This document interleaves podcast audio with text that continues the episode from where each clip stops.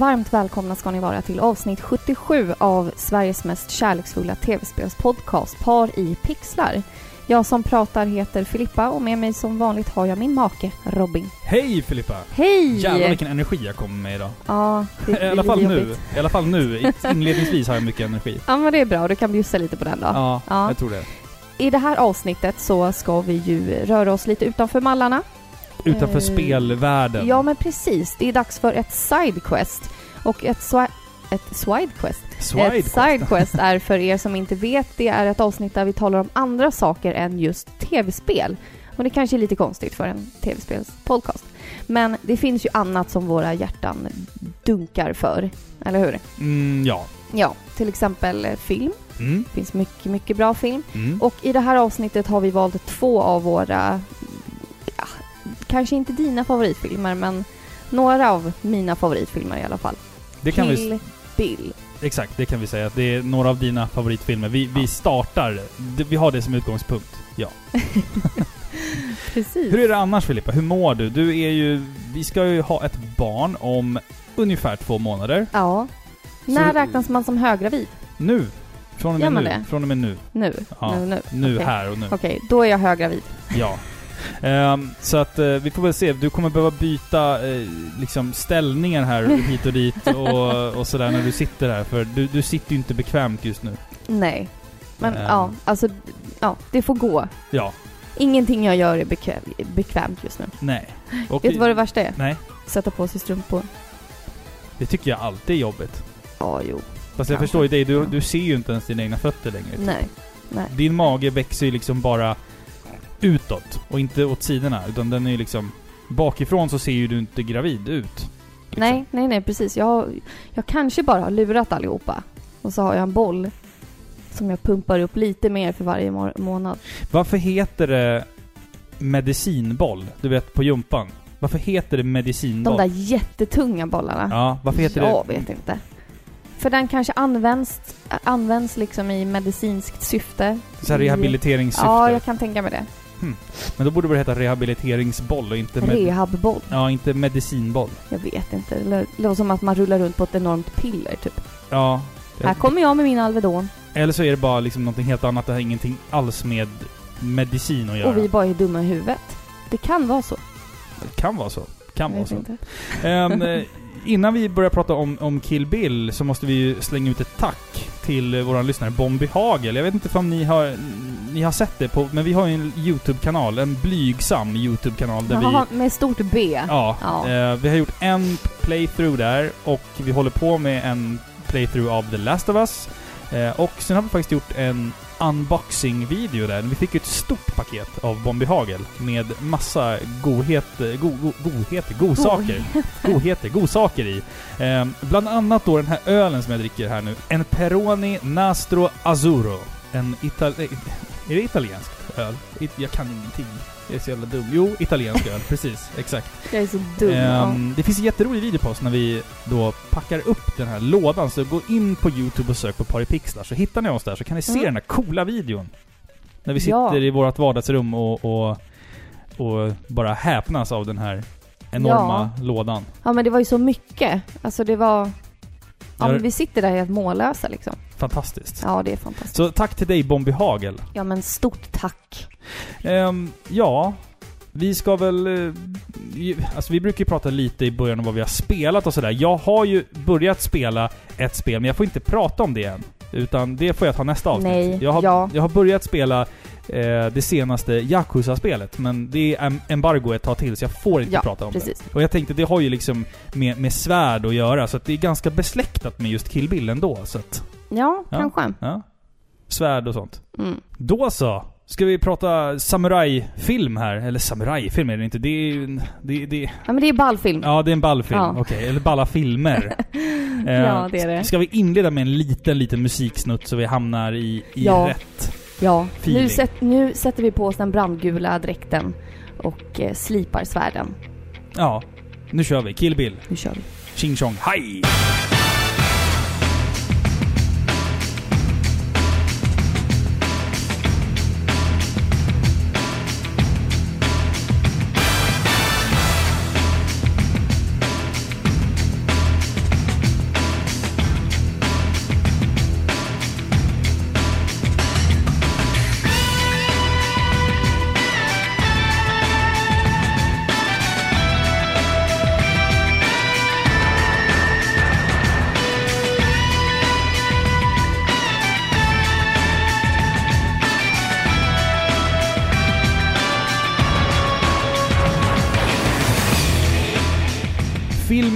Kill Bill gick upp på biograferna världen runt år 2003. Regisserad av Quentin Tarantino, som faktiskt brukar vara med i sina egna filmer. Även i denna. Va? Ja, jag ska ta det sen. Oj, oj, oj. Ehm, ja, Quentin Tarantino känner ni väl till. Han har väl gjort eh, Pulp Fiction, De hänsynslösa och eh, senast nu The Hateful Eight. Och idén till den här filmen föddes redan 1994. År 2003, när den här filmen gick upp på bio, så möttes den av konkurrens ifrån filmerna Hitta Nemo, Sagan om Konungens återkomst och den koreanska storfilmen Oldboy. Och den vidriga filmen Terminator 3. Gick den också upp 2003? Ja, Det var ett bra och dåligt filmår med ja andra ord. verkligen. vet du en annan som åkte upp? Nej. The Room. Du vet den här Ja, ja, ja. så pass dåliga filmen att den är bra, typ. Mm. Och vi har ännu inte sett den, så Nej. det måste vi kanske också bli ett starkt Alltså, måste, Dålig film som är bra. måste man... Det är så kitsch. Måste man se The Room verkligen? Jag vet inte, men alltså den är väl så dålig som man... Antingen tycker man att det är kul, Ja. eller så sitter man bara där och vill krypa ur skinnet liksom. Lisa, you're tearing me apart! Det är typ Ja, det jag har sett. ja, jag bara så här, exakt. varför, varför skulle jag vilja lägga ner en och en halv timme på den här filmen för? Den verkar helt värdelös. Ehm, ja, Kill Bill. Vad, vad handlar Kill Bill om? Ja, vad handlar den här filmen om? Eh, den skildrar en ung lönnmörderska som eh, hon söker hämnd efter att hennes forna kumpaner typ brutalt slaktat hela hennes familj efter att hon eh, hon har liksom övergivit dem och eh, söker sig ett nytt liv. Och då dyker de oväntat upp efter ett halvår efter att hon har lämnat dem. Eh, på hennes vigselgenrep faktiskt och skjuter ner allihopa. Du låter så glad när du berättar det här. Jag bara, jag är så glad! Ja men det är ju spännande. Ja, Det är ja. liksom den bästa inledningen någonsin. Förlåt, fortsätt. De tror att de har ihjäl henne också. Men hon undslipper döden liksom med en hårsmån. Eh, hamnar istället i koma i fyra år. Och när hon plötsligt vaknar, då ger hon sig efter dem. En i taget tills, eh, ja, alla är döda. Spoiler! ja. Eh, Men hon söker ju liksom inte bara hämnd för den här familjen som eh, blev slaktade den där dagen utan även för hennes ofödda dotter som hon bar den dagen då hennes gamla vänner crashade festen. Vilka partypoopers! Mm, verkligen. Verkligen. Det är en cool scen dock. Den är väldigt, väldigt cool. Men den Helt kommer vi till, vi kommer till den senare. Black and white. Black and white, ja precis. Det är coolt. Vi har ju en hel del skådespelerskor. Ja, och jag skulle vilja säga så här. Vi introduceras ju för alla karaktärer i den här filmen. Typ den första filmen Okej. alltså. Eh, sen får vi lära känna en del utav dem i Kill Bill 1 och resten i Kill Bill Volume 2, så att säga. Ja, exakt. Hon avverkar ju inte allihopa i den här filmen. Nej. Nej. Vill du prata om alla karaktärer nu eller vill du prata om... Jag har valt ut några här bara. Vi Ja. kan ju börja med Uma Thurman. Vi har ju henne i rollen som vår eh, lönnmörderska då. Mm. Eh, hon är ju tidigare känd för att hon har medverkat i Pulp Fiction från 94 som även det är en Tarantino-film. Det var ju där hon och Quentin Tarantino började spåna på den här idén som senare kom att bli eh, Kill Bill. Ja, exakt. Konceptet hette ju bara The Bride. Ja, Eh, och det är, där, det är därför det, i slutet på Kill Bill 2, tror jag det är, så står det ju så här “Characters created by Q and U” och det är ju Quentin och Uma. Ja, liksom. exakt. Folk bara såhär, vad fan betyder Q and U? Ja. Så jag var tvungen att googla det, då hittade jag svaret Ja, på det. jag här. visste inte det innan. Nej. Men i den så spelar hon ju den här excentriska kokainberoende Mia Wallace. Du I- vet hon eh, är ju i Pulp Fiction. Ja, precis. Exakt. Men Mm. hon har ju även spelat Poison Ivy i den horribla filmen Batman and Robin från 97. Så hon Ja. dalade lite också där. Får jag säga en anekdot om Batman och Robin lite snabbt? Att du fick den två julaftonar i rad. Av min mormor. Så fick jag den... Jag fick den i julklapp av min mormor ett, en julafton. Jag gick hem, tittade på den, tyckte att den var skitdålig. Och sen så gick det ett år. Alltså 365 dagar passerade. Sen var det jul igen. Och då fick jag samma film. Igen! men Av, mo- av samma mormor. Alltså, ja. Vet du vad jag Det, gjorde? det är typ som att hon har köpt på sig ett lager som Ja. hon kan liksom dela ut. vet du vad jag gjorde med den filmen? Ja, det vet jag. Jag tog med den till Gotland när jag var barn. Och sen tittade jag på den en sista gång. Sen gick jag ut med en spik och en hammare i skogen och spikade fast filmen i en stubbe och gick därifrån. Men fy. Ja. Varför gör jag sånt Alltså jag för? gillade, jag gillade inte filmen så, men jag gillade Poison Ivy i den ja, filmen. Ja, jag Gjorde tycker, jag jag, faktiskt. tycker hela filmen är bara skräp alltså. Vi har ju även Lucy Liu som spelar Oren Ishii. Mm. Samma år så medverkade hon i Charlie's Angels 2. Mm. Massor av serier och hon har även gjort lite röstskådespel. Ja, folk vet Alltså vem hon var är. väl med i Ally McBeal, det var väl så hon blev en, ett household name i, alltså har jag, Ja, jag mycket mig hon var med i Ally McBeal. Jag tror fan det var hon. Ja, Vi måste också säga det också om Uma Thurmans karaktär, det sa vi inte, men hennes namn i filmen är ju Beatrix Kiddo. ja. Och det får vi inte veta i den första filmen ens. Nej. För det blipas bara bort och varför vet jag inte varför man gjorde så. Hon ska väl vara den anonyma hjältinnan. Jag vet inte. Ja, men det är konstigt liksom. Ja, men man ser hennes namn på flygbiljetten i alla fall i början av filmen. Så att, ja. Ja. Fortsätt, fortsätt, fortsätt.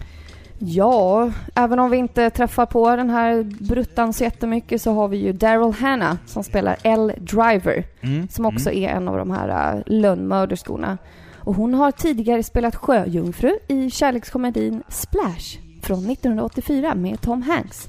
Och hon har även spelat eh, Pris i Blade Runner från 82. Ja, just det är det! hon fan. som gör den här kända scenen när hon faktiskt hon springer in typ i ett fönster någonting. Mm, mm, Eh, det är en blooper som fick vara med i filmen. Ja, säg, säger ryktet i Sägs alla det. fall. Ja. Ja. hon pajar fönstret och skadar sig typ. Hen- Hennes karaktär, jag, jag måste bara säga det för jag tror att jag kom- kommer glömma bort det annars. Hennes karaktär L. Driver, då, är ju inspirerad av karaktären Madeleine ifrån den svenska filmen Thriller ifrån 1973. Som är någon form av...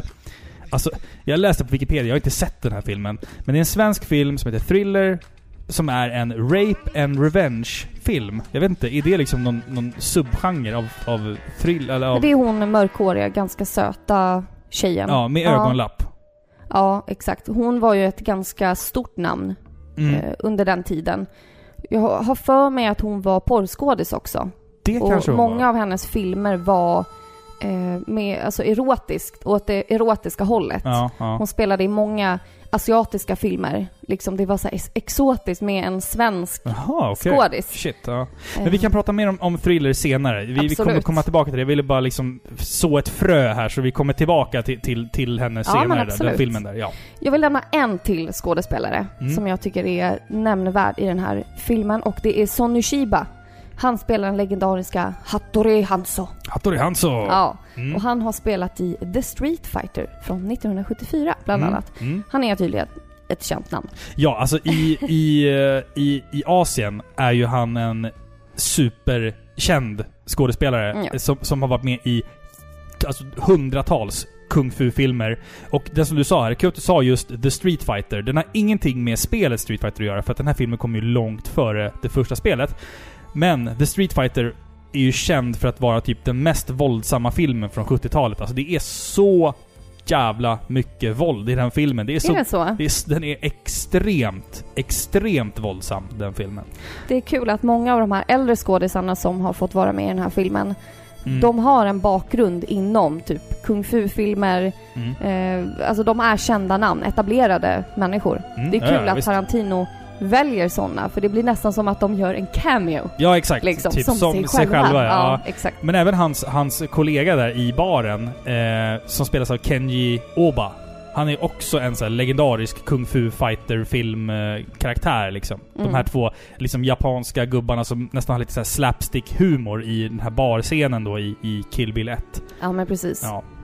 Eh, Jag måste också nämna eh, en karaktär, två karaktärer till i den första filmen som jag tycker utmärker sig. Och det är Vivica A. Fox som Vernita Green. Som det är en gammal lönnmördarkollega till Beatrix Kiddo. Och de, de gör ju upp i den första filmen här då. Hon är en av dem som hon ska hämnas på alltså. Ja, exakt, exakt.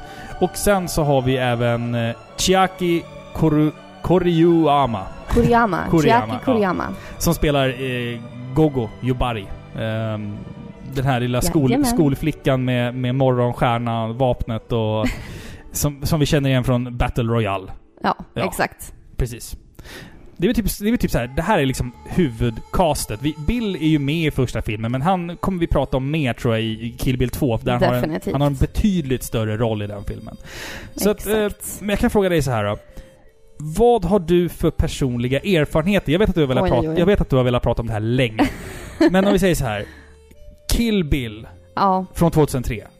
Vad är det du tänker på då? alltså jag måste säga Kill Bill 1 och 2 då, Mm. faktiskt. Är du beredd? Hit me, hit me. Jag lutar mig tillbaka och tar en bärs här, så Ja, lyssnar nej, jag på dig. Så här är det, vi var på väg hem från Skåne. Eh, Min syster bor i Skåne, så jag har vuxit upp liksom på vägarna mellan Stockholm och Skåne. Eh, Du har, du, har, du har spytt mycket längs de vägarna ja, också. det har jag vid varje kurva. För du har varit mag... Eller inte magsjuk, men åksjuk. Åksjuk. Ja. oh ja. Oh ja. Men mer om det någon annan gång. Eh, jag minns i alla fall att vi var på väg hem. Vi stannade till vid en mack och jag tjatade av någon anledning till med en tidning där man fick Kill Bill 2 på köpet. Jag minns inte vad det var för tidning eller någonting. Jag hade aldrig hört talas om den här filmen. Jag hade aldrig sett föregångaren så jag hade ingen aning om vad det här var. Eh, min bror Martin, han var med oss och han hade en så här portabel DVD-spelare. Eh, så vi satte på filmen. Och jag blev helt, helt hänförd, helt mållös av karaktärerna. Alltså jag var ju liten när den här kom. Alltså jag var 11, liksom.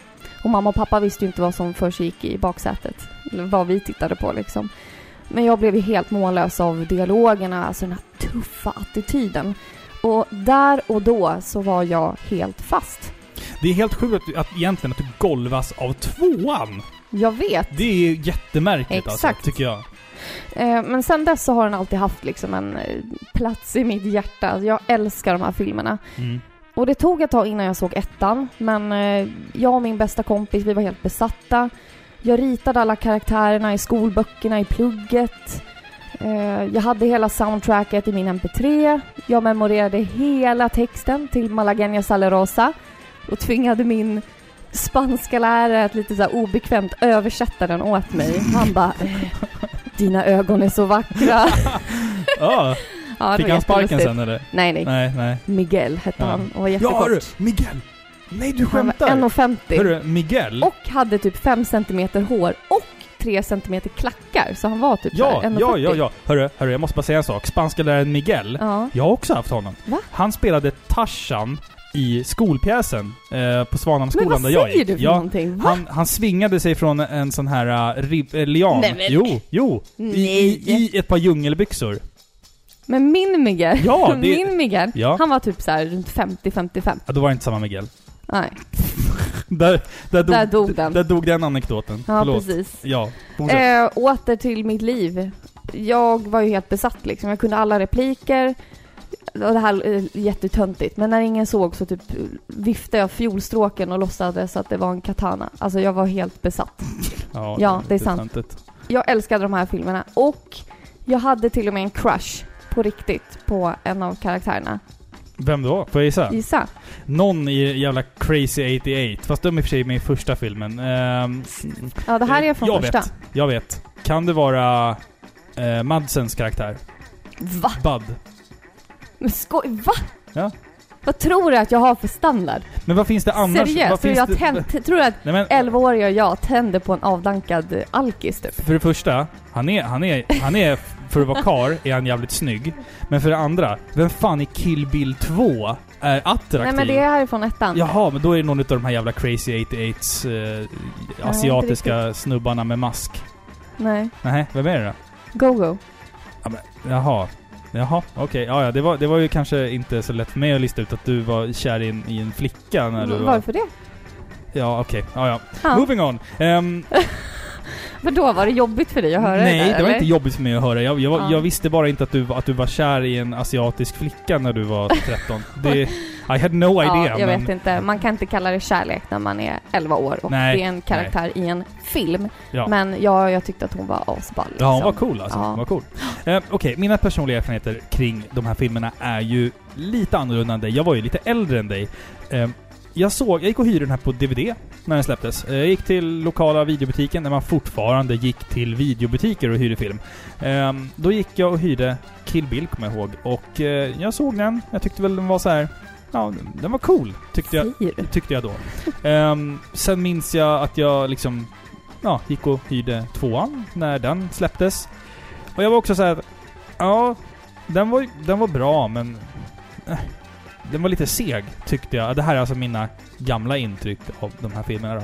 Jag minns det, att jag tyckte om eh, liksom hela kung fu... För jag var ju väldigt mycket inne på just karate och ninja-filmer när jag var liten. Och jag tyckte liksom att jag fick en liten tribute till de filmerna när jag såg eh, Kill Bill. Så det var liksom det jag gillade. Och sen så kände jag igen många av liksom referenserna till, till Bruce Lee-filmerna med de här gula sparkdräkten. Jag hade ju sett liksom Tower of Death med Bruce Lee och eh, må många av filmerna som, som då den här filmen inspirerades av. Eller de här, de här filmerna inspirerades av, rättare sagt.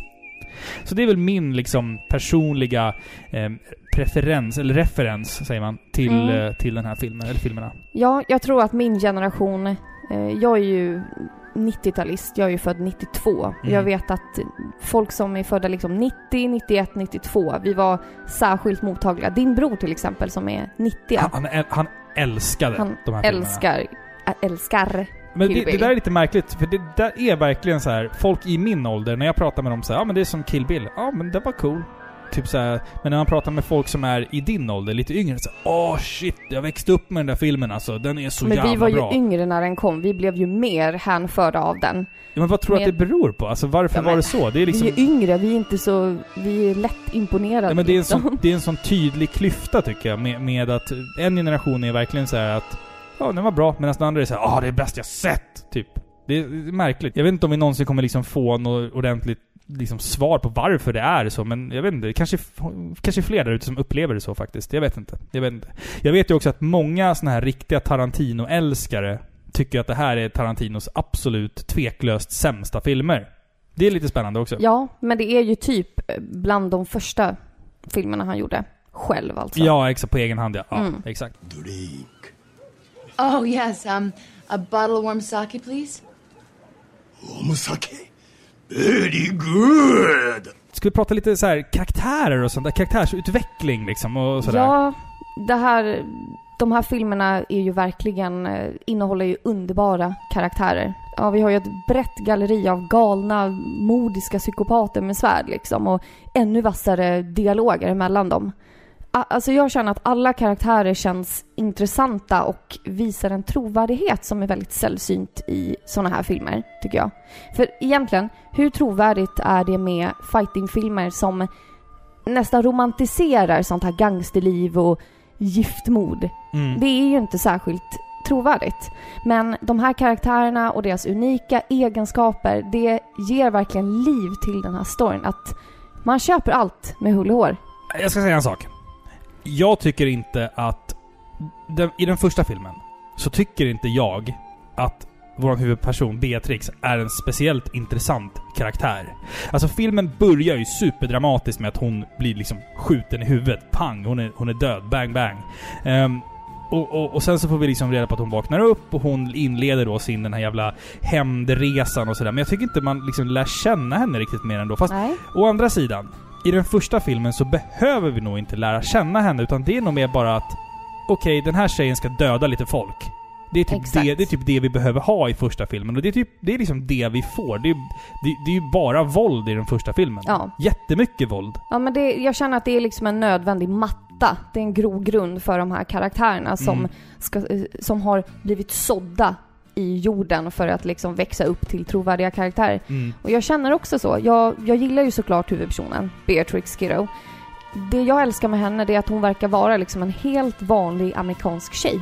Förutom, att hon är, förutom att hon är lönnmördare då. Ja, ja, ja. Men eh, det är liksom inget speciellt med henne. Hon ser inte så farlig ut. Men ja, skenet bedrar ju. Alltså hon gör en enorm utveckling genom båda filmerna om du ser till, till båda filmerna just. Mm, mm. Men just i första, precis som du säger, så får man mest se henne liksom kick some ass typ. Mm. Mm. Ka- Kan vi bara få, få det ur, ur vädret här nu och säga att Uma Thurman är nog Fulsnygg. definitionen av ordet fulsnygg Ja. i den här filmen. Det är någonting med henne som, som gör att hon... Att man ändå charmas av hennes, hennes sätt att, att prata och henne, hennes blick. Men samtidigt så är hon ju liksom inte nat... Hon är inte en klassisk skönhet. Nej, exakt. Nej. Tack. Jag tänkte säga att hon är inte, hon är inte naturligt vacker. Men det är, det är, väl, all, det är väl alla kvinnor sådär, men på ett sätt. Men, ja. och alla män, sätt. alla, alla män också på, på, på ett sätt. Men, men jag menar att hon är inte den här eh, liksom stora tuttar, tuff Nej, brud. Utan hon, exakt. hon är liksom som du säger, ganska, ganska average i det mesta liksom. Ja. Hon, hon var ganska snygg om man har sett till så äldre bilder på henne, när hon är Mm. Hon är ganska lik typ så Kate Moss. De Ja, har ja, ja, liknande ja. Mm. fulsnygga utseende. Alltså hon har ganska stor näsa. Mm.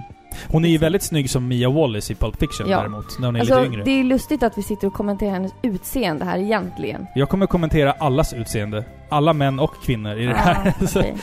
Men jag tycker i alla fall att hennes prestation som skådis Ja, är ju ja, enormt bra. absolut, absolut. Eh, jag tycker att, som sagt, i första filmen så får vi inte se någon vidare karaktärsutveckling mer än att hon har ett uppdrag som hon halvt genomför i Mm. första filmen. Mm. I andra filmen får vi se en annan sida av saken. Mm. Punkt. Alltså hon, hon visar ju... Hon, hon visar ju att hon är en bra skådespelare i filmen i och med att hon typ lärde sig all kampsport och allting under filmens inspelning. Exakt. Men också bara ta scenen där hon inser att hon har förlorat sitt barn som hon var, hade i magen när hon dog. Och när hon vaknar upp på sjukhuset fyra år senare och märker att barnet är borta. Alltså där ser vi ju beviset på att Uma Thurman är en fantastisk skådespelerska. Ja, verkligen. Det är verkligen alltså en jävla kasta Oscarsstatyetter på henne i huvudet. Ja, ja, absolut. Men eh, ja, jag tycker faktiskt jättemycket om karaktärsgalleriet. Liksom. Inte, alltså inte bara liksom skådespelarinsatserna, utan om vi tittar till karaktärerna. Mm. De är så brutala och ilskna. Alla är så arga hela tiden. Mm, Eh, mm. De skulle typ behöva gå he- hela livet i terapi, typ. Men jag uppskattar framförallt alla de här japanska herrarna som, som låter så gulligt när Ja. de blir arga. Så här, upprörda japanska män. Det är något fint med det. Ja, Och när ja. de blir riktigt arga, då tar de fram en solfjäder och börjar vifta med. Det är så här, de är så instabila och känsliga liksom. Sånt gillar jag. Ja. Alltså, kan vi, kan vi inte bara skita i resten av det här avsnittet nu, egentligen? Och bara prata om den mest intressanta karaktären i filmen, den första filmen, resten av avsnittet. Det finns en... Och Oranishi. Oranichi är den absolut, alltså Lucy Lus karaktär då, är ju den absolut tveklöst mest intressanta karaktären i båda de här filmerna, tycker jag.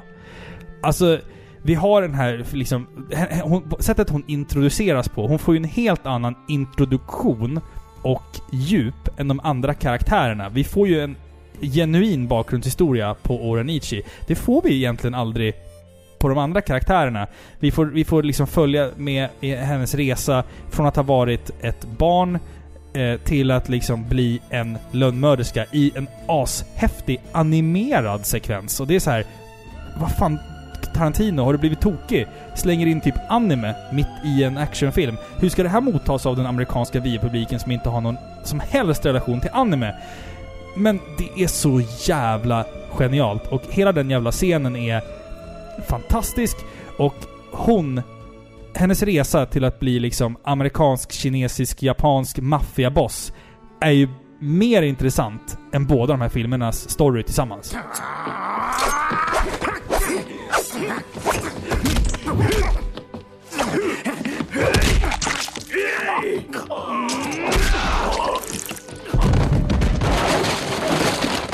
Ja, nej, men jag håller med.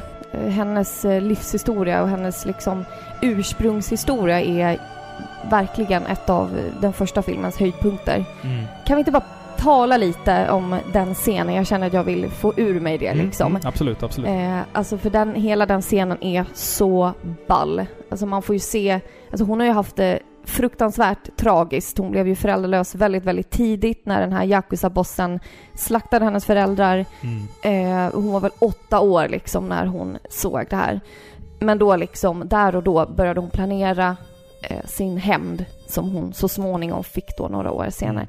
Det är väldigt, väldigt blodigt. Alltså det är nästan löjligt mycket blod i Det den är så här scenen. härligt att se. Det är så härligt Men- att se.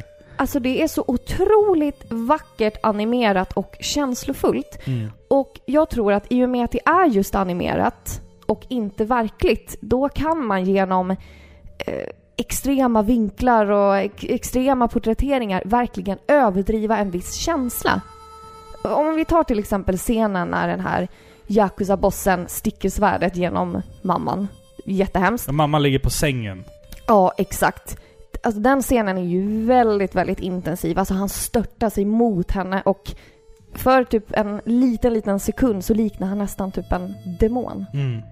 Då blir det liksom väldigt övertydligt att han agerar som en ondskefull demon liksom, i ren ilska mot hennes mamma. Och det här tror jag inte hade gått att göra med riktiga skådisar. Förstår du? Nej, exakt. Det så hade... där tjänar ju Quentin Tarantino på att istället göra det animerat. Det blir så intensivt och faktiskt väldigt vackert. Alltså hade den här scenen inte varit animerad så hade den här filmen inte fått släppts på grund av att den är för våldsam. Ja, Och exakt. just den där bilden när eh, Oren Ichi som barn då gömmer sig under sängen. Mamman ligger på sängen, hon blir stucken av svärdet. Och Oren Ichi ligger och tittar uppåt på madrassen som blir rödare och rödare. Sen börjar det droppa blod från mamman ner på hennes ansikte. Det är alltså... Och sen den där musiken under hela den scenen och liksom... Ah, alltså det är... Ja, det är nog en av mina är favoritscener. Så fantastiskt vackert alltså. Det är, Verkligen. och ja, jag vet inte vad jag ska säga. Den, ja, det, det är en riktig jävla höjdpunkt i den här filmen. Just hela den sekvensen med, med de bisarrt tecknade karaktärerna och blodet och... är Ja men de är liksom otroligt, alltså. överdrivna. Deras eh, lemmar blir liksom överdrivna. Mm. Allting de gör är överdrivet och det bidrar ju till att man... Alltså du kan... Du är ju dum om du inte fattar känslan i scenen då liksom. Nej, precis. Mm. Och hon, eh, Orenichi, växte ju sen upp också blev en riktig jävla tuffing. Jag tänker bara på den här scenen när hon då sitter där med de här gamla japanska gubbarna och har sitt möte. Hon är, hon är liksom boss. Hon sitter iskall och bara lyssnar. Sen rätt vad det så bara hoppar hon upp på bordet och hugger huvudet av en jävla gubbe som inte tycker som hon. Any, vad säger hon? And, and if any of you fuckers has... have ah. anything else to say. Now's the fucking time! We eh, Vi, vi kan lyssna på det. Vi lys, lyssnar på hela jävla scenen här. Oh As your leader, I encourage you from time to time, and always in a respectful manner, to question my logic. If you're unconvinced a particular plan of action I've decided is the wisest, tell me so. But allow me to convince you, and I promise you right here and now, no subject will ever be タブー taboo. はタブーはありません Except, of course, the subject that was just under discussion. ただ今問題になったことは除きますが The price you pay for bringing up either my Chinese or American heritage as a negative is I collect your fucking head. Just like this fucker here. このファック野郎と同じようにね Now, if any of you sons of bitches got anything else to say, now's the fucking time! I didn't think so. Ja, det där är lysande. Hon Ja, är så absolut. bra. Hennes karaktär är höjdpunkten i den här filmen. Ja, ja, alltså. absolut. Wow, vad bra hon är. Men vart utspelar sig den här filmen då? Vi måste ju tala om alla miljöer. Ja, alltså det är ju olika platser i USA. Absolut. Eh, vi är lite i Mexiko. Men alltså, filmens höjdpunkt är ju fan när, när, när Kiddo åker till Tokyo för fan. Med natten och neonskyltarna. Det är så jävla porrigt. Ja, alltså det är typ en färgexplosion rent ut sagt. Allting har typ skarpa färger och Mm. jag känner att det finns en anledning bakom det. Men det kommer särskilt fram i valet av just miljö. Mm. Alltså Tokyos gatlyktor, eh, de här skyskraporna, de lyser upp extra mycket liksom och hennes brandgula kläder, det illröda blodet, den här fjädertunna vita snön. Alltså alla kontrast i de miljöerna, det gör ett sånt intryck. Mm. Verkligen. Och förlåt jag bara babblar på men jag, jag tycker även att just porträtteringen av just våld Mm. i vackra miljöer blir extra kraftfullt. Ja, så är det ju. Visst fan. är det så? Ja, För att, ja, ja. alltså man kan ju alltid visa så blod i en smutsig öken och det ser verkligt och det ser otäckt ut. Mm. Men att visa typ en skalpering i kontrast mot den här kritvita snön i en japanskt meditativ trädgård. Alltså Mm. det blir vackert. Det blir kraftfullt och otäckt på ett annorlunda sätt. Liksom. För Ja, det, våld- det ser ju nästan inte riktigt ut. Nej, våld hör ju inte hemma på vackra platser Nej. normaltvis. Då sätter man liksom extremerna mot varandra. Extrem brutalitet i kontrast mot extrem perfektion och skönhet liksom. Mm. Finns det någonting porrigare än blod som droppar i snö? det finns inget mer... Alltså, jag tänker filmiskt, Ja, ja, sexigt, såklart. så är det ju så otroligt jävla liksom kontrastuellt nu använder jag ord som inte ens finns. Mm. Eh, kontrastuellt vackert med blod i snö. Det har, alltså, ta vilken jävla film som helst som har det. Eh, låt den rätte komma in. Mm. Blod i snö, det är så, det är så vackert på något, på något märkligt Ja, men sätt. det är kontrasterna liksom. Det typ hör inte riktigt hemma där. Det rena och det smutsiga liksom. Ja, exakt. Ja. Fan vad coolt. Ja. Mm. Eh, vi måste ju prata också alltså, om, om, om musiken i Ja. de här filmerna. Quentin Tarantino är ju i alla sina filmer en jävla mästare på att placera rätt musik på rätt ställe i filmen och också även använda sig effektivt av tystnaden. Ja, verkligen. I den här filmen så har vi ju en salig blandning av musik. Vi har allt ifrån eh, western, eh, pampiga så här western eh, eh, melodier signerade Ennio Morricone till, till liksom lite gitarrer, vi, vi har japansk 60-talspop, vi har allt. Vi har allt. Och Quentin Tarantino är ju som sagt otroligt duktig på att placera ut rätt musikstycke vid rätt scen. Ja, visst är han. Alltså, han det märks ju att han är en sucker för äldre musik liksom. Men han sätter alltid musiken så att det passar stämningen. Mm. Och det gör så mycket för filmen. För just den här filmen, många ser ju som att ja, det är en actionfilm liksom. Det är en blodig... eh, Hämndsaga. blodkalas liksom. Men det är ju faktiskt inte tänkt att bara vara en actionfilm. Alltså då hade ju musiken varit mer enligt det temat. Alltså mer Mm. pumpat, mer fokus på att sätta toner till liksom det här våldet som man ser. Men istället, då väljer han liksom vacker, lugn musik och, och han målar istället liksom känslorna som finns mellan personerna. Mm. Det är liksom ett drama med actionmoment. Och just musiken har en sån stor del i att färglägga de här känslorna tycker jag. Alltså, vi säger så här. Filmen inleds ju med att Uma Thurman, Kiddo, ligger i en kyrka i en bröllopsklänning, blodig.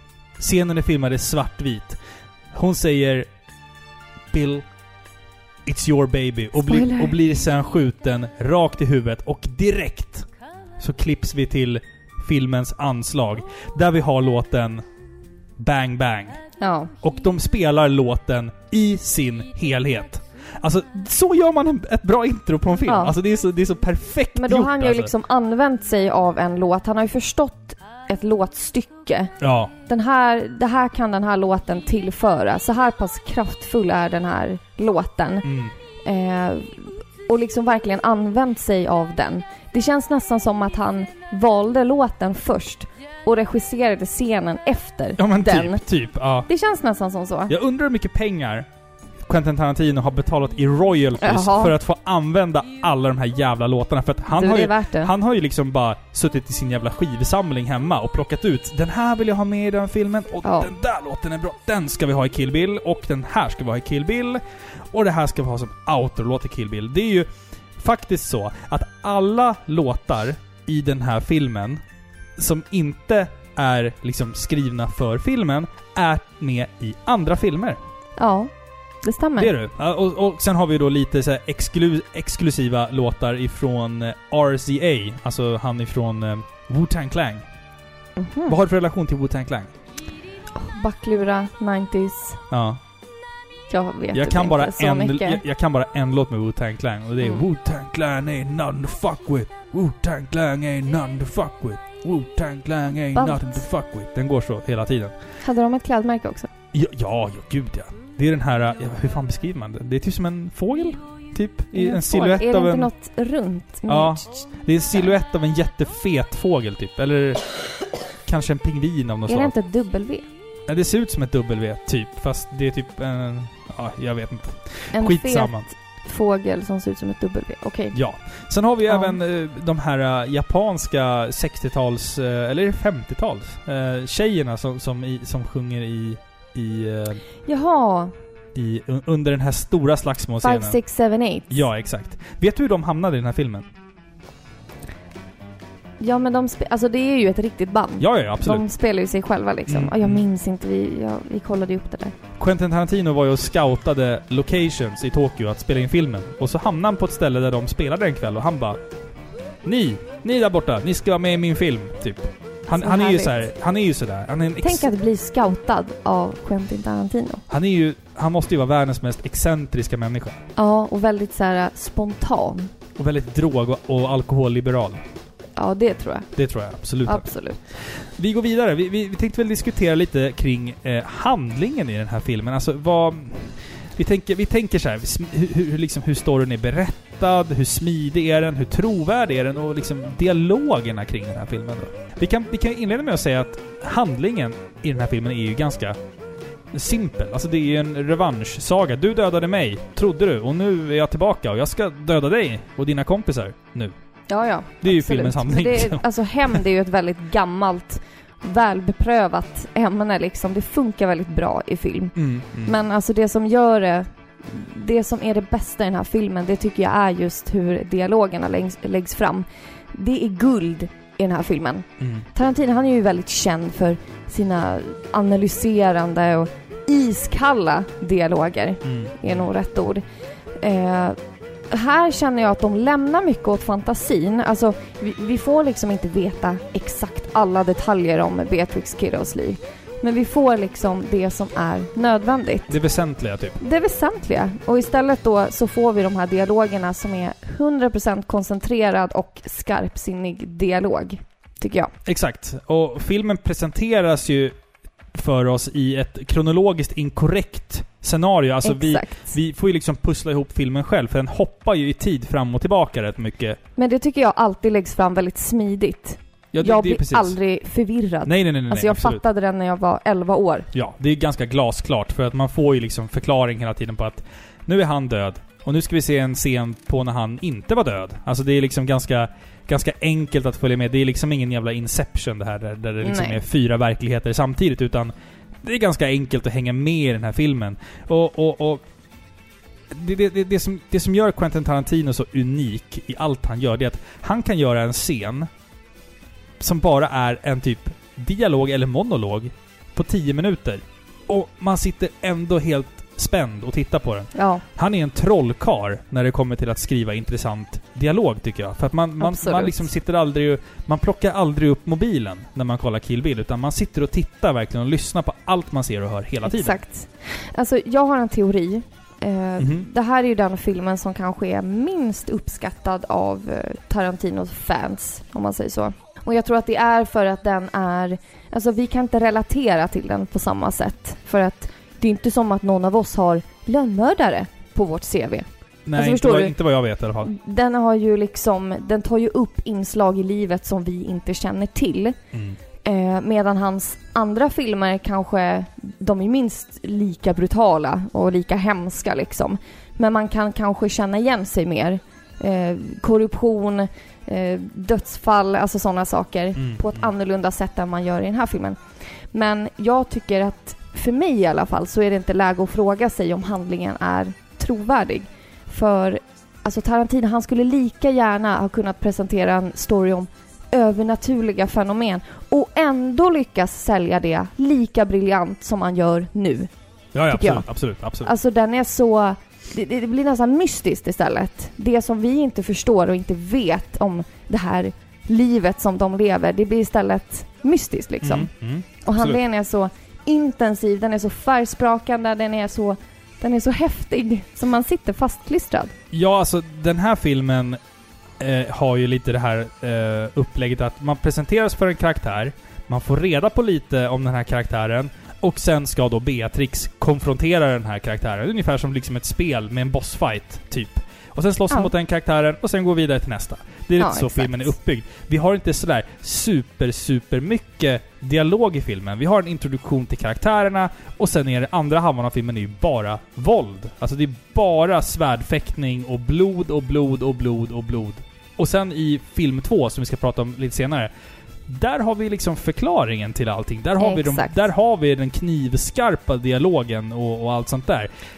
Alltså jag tycker ändå att den då dialog som finns i den här filmen, den är ju inte utan dialog. Den är ju 100% iskall. Ja, och det är så pass Allt lite... de Det, säger. det är så pass lite dialog att man typ skulle kunna memorera hela filmen. Alltså Ja, det gjorde i, ju jag. Ja, precis. Exakt. Den här filmen är ju liksom i stort sett bara action och del Ja. två är i stort sett bara dialog. Och det tycker jag är lite märkligt att man har valt att göra så, för att folk som gick och såg den första filmen och sen såg den andra vart kanske liksom lite besvikna eftersom att det inte var lika mycket våld i den andra filmen. Det hade ju gått att göra ett koncept där man liksom hade kunnat blanda lika mycket våld och dialog Ja. i båda filmerna. Men Men då fattar man inte grejen. här är det verkligen liksom 100% vattendelare. Våld i första filmen, dialog i andra Ja, filmen. men då, de som tycker det, det är sådana som bara ser ettan som en actionfilm. Mm. Och det är inte bara det.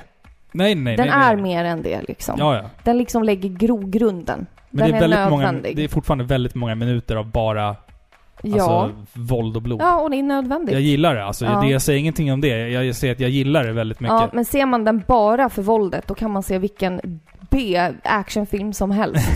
Det handlar inte om våldet, om man ser Nej, nej, bakom den liksom. Även, även om våldsscenerna är otroligt imponerande och vackra. Ja, ja, Mm. absolut. Den enda nackdelen, som jag skulle vilja säga, Mm. det är att filmen är något för humoristisk ibland.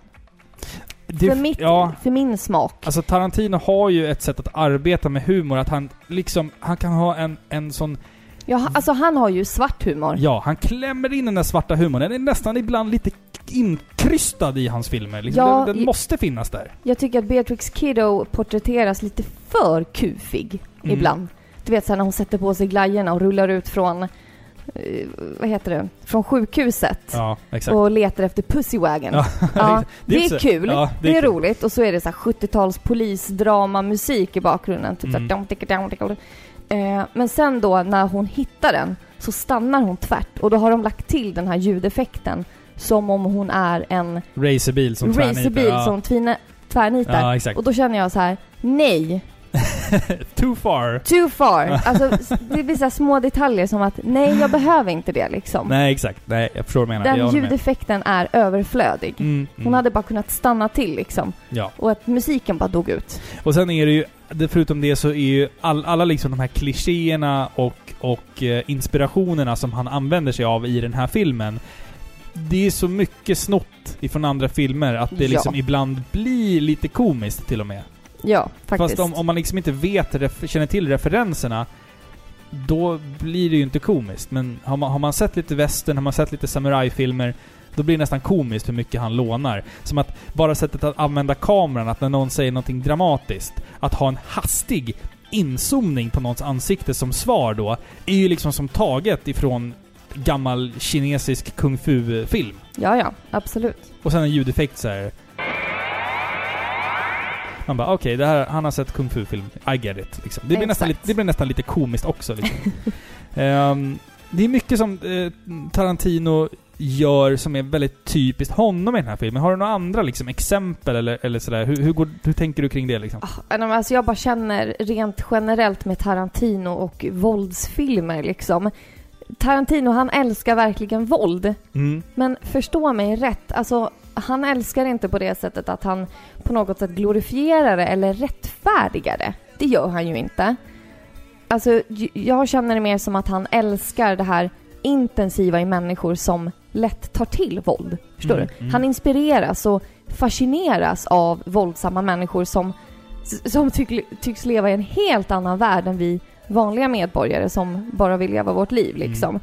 För alla hans filmer skildrar ju typ extrema människor med våldsamma tendenser. Minst sagt Ja, extrema ja, människor. som alltid löser sina problem med liksom en pistol. Ja. Så det, det känns mer som att du djupdyker i det mänskliga psyket hos en sociopat, Mm. känner jag.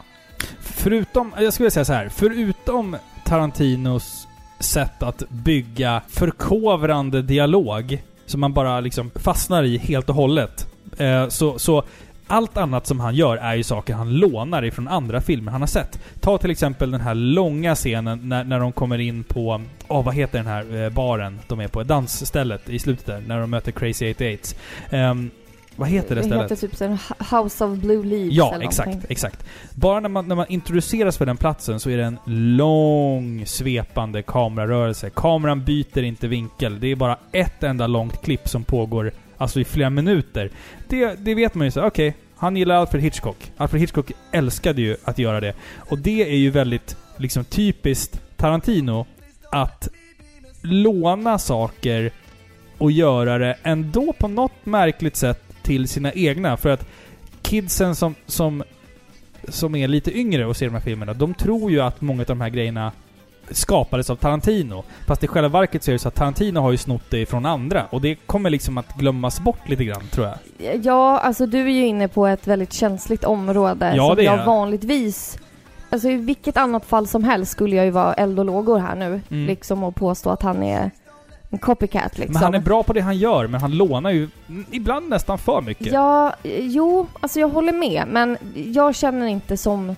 Jag känner inte som jag gör med typ remakes. Nej. Känner jag inte. Alltså jag känner inte att Tarantino stjäl andras verk. Han hyllar. Ja, okej. Han Ja. lägger fram det på ett sånt sätt att det liksom är uppenbart att han eh, tycker om just de här filmerna. Det blir som en hommage För filmälskare. för filmälskare. Ja, ja, det är kanske. så uppenbart att han älskar. Bara det faktum att han har tjatat i alla år om att få använda Ennio Morricones musik. Just det. Och det slutar liksom med att han och Ennio Morricone blir ovänner. Ja, Och han bara, jag vill inte ha min musik i dina blodiga filmer.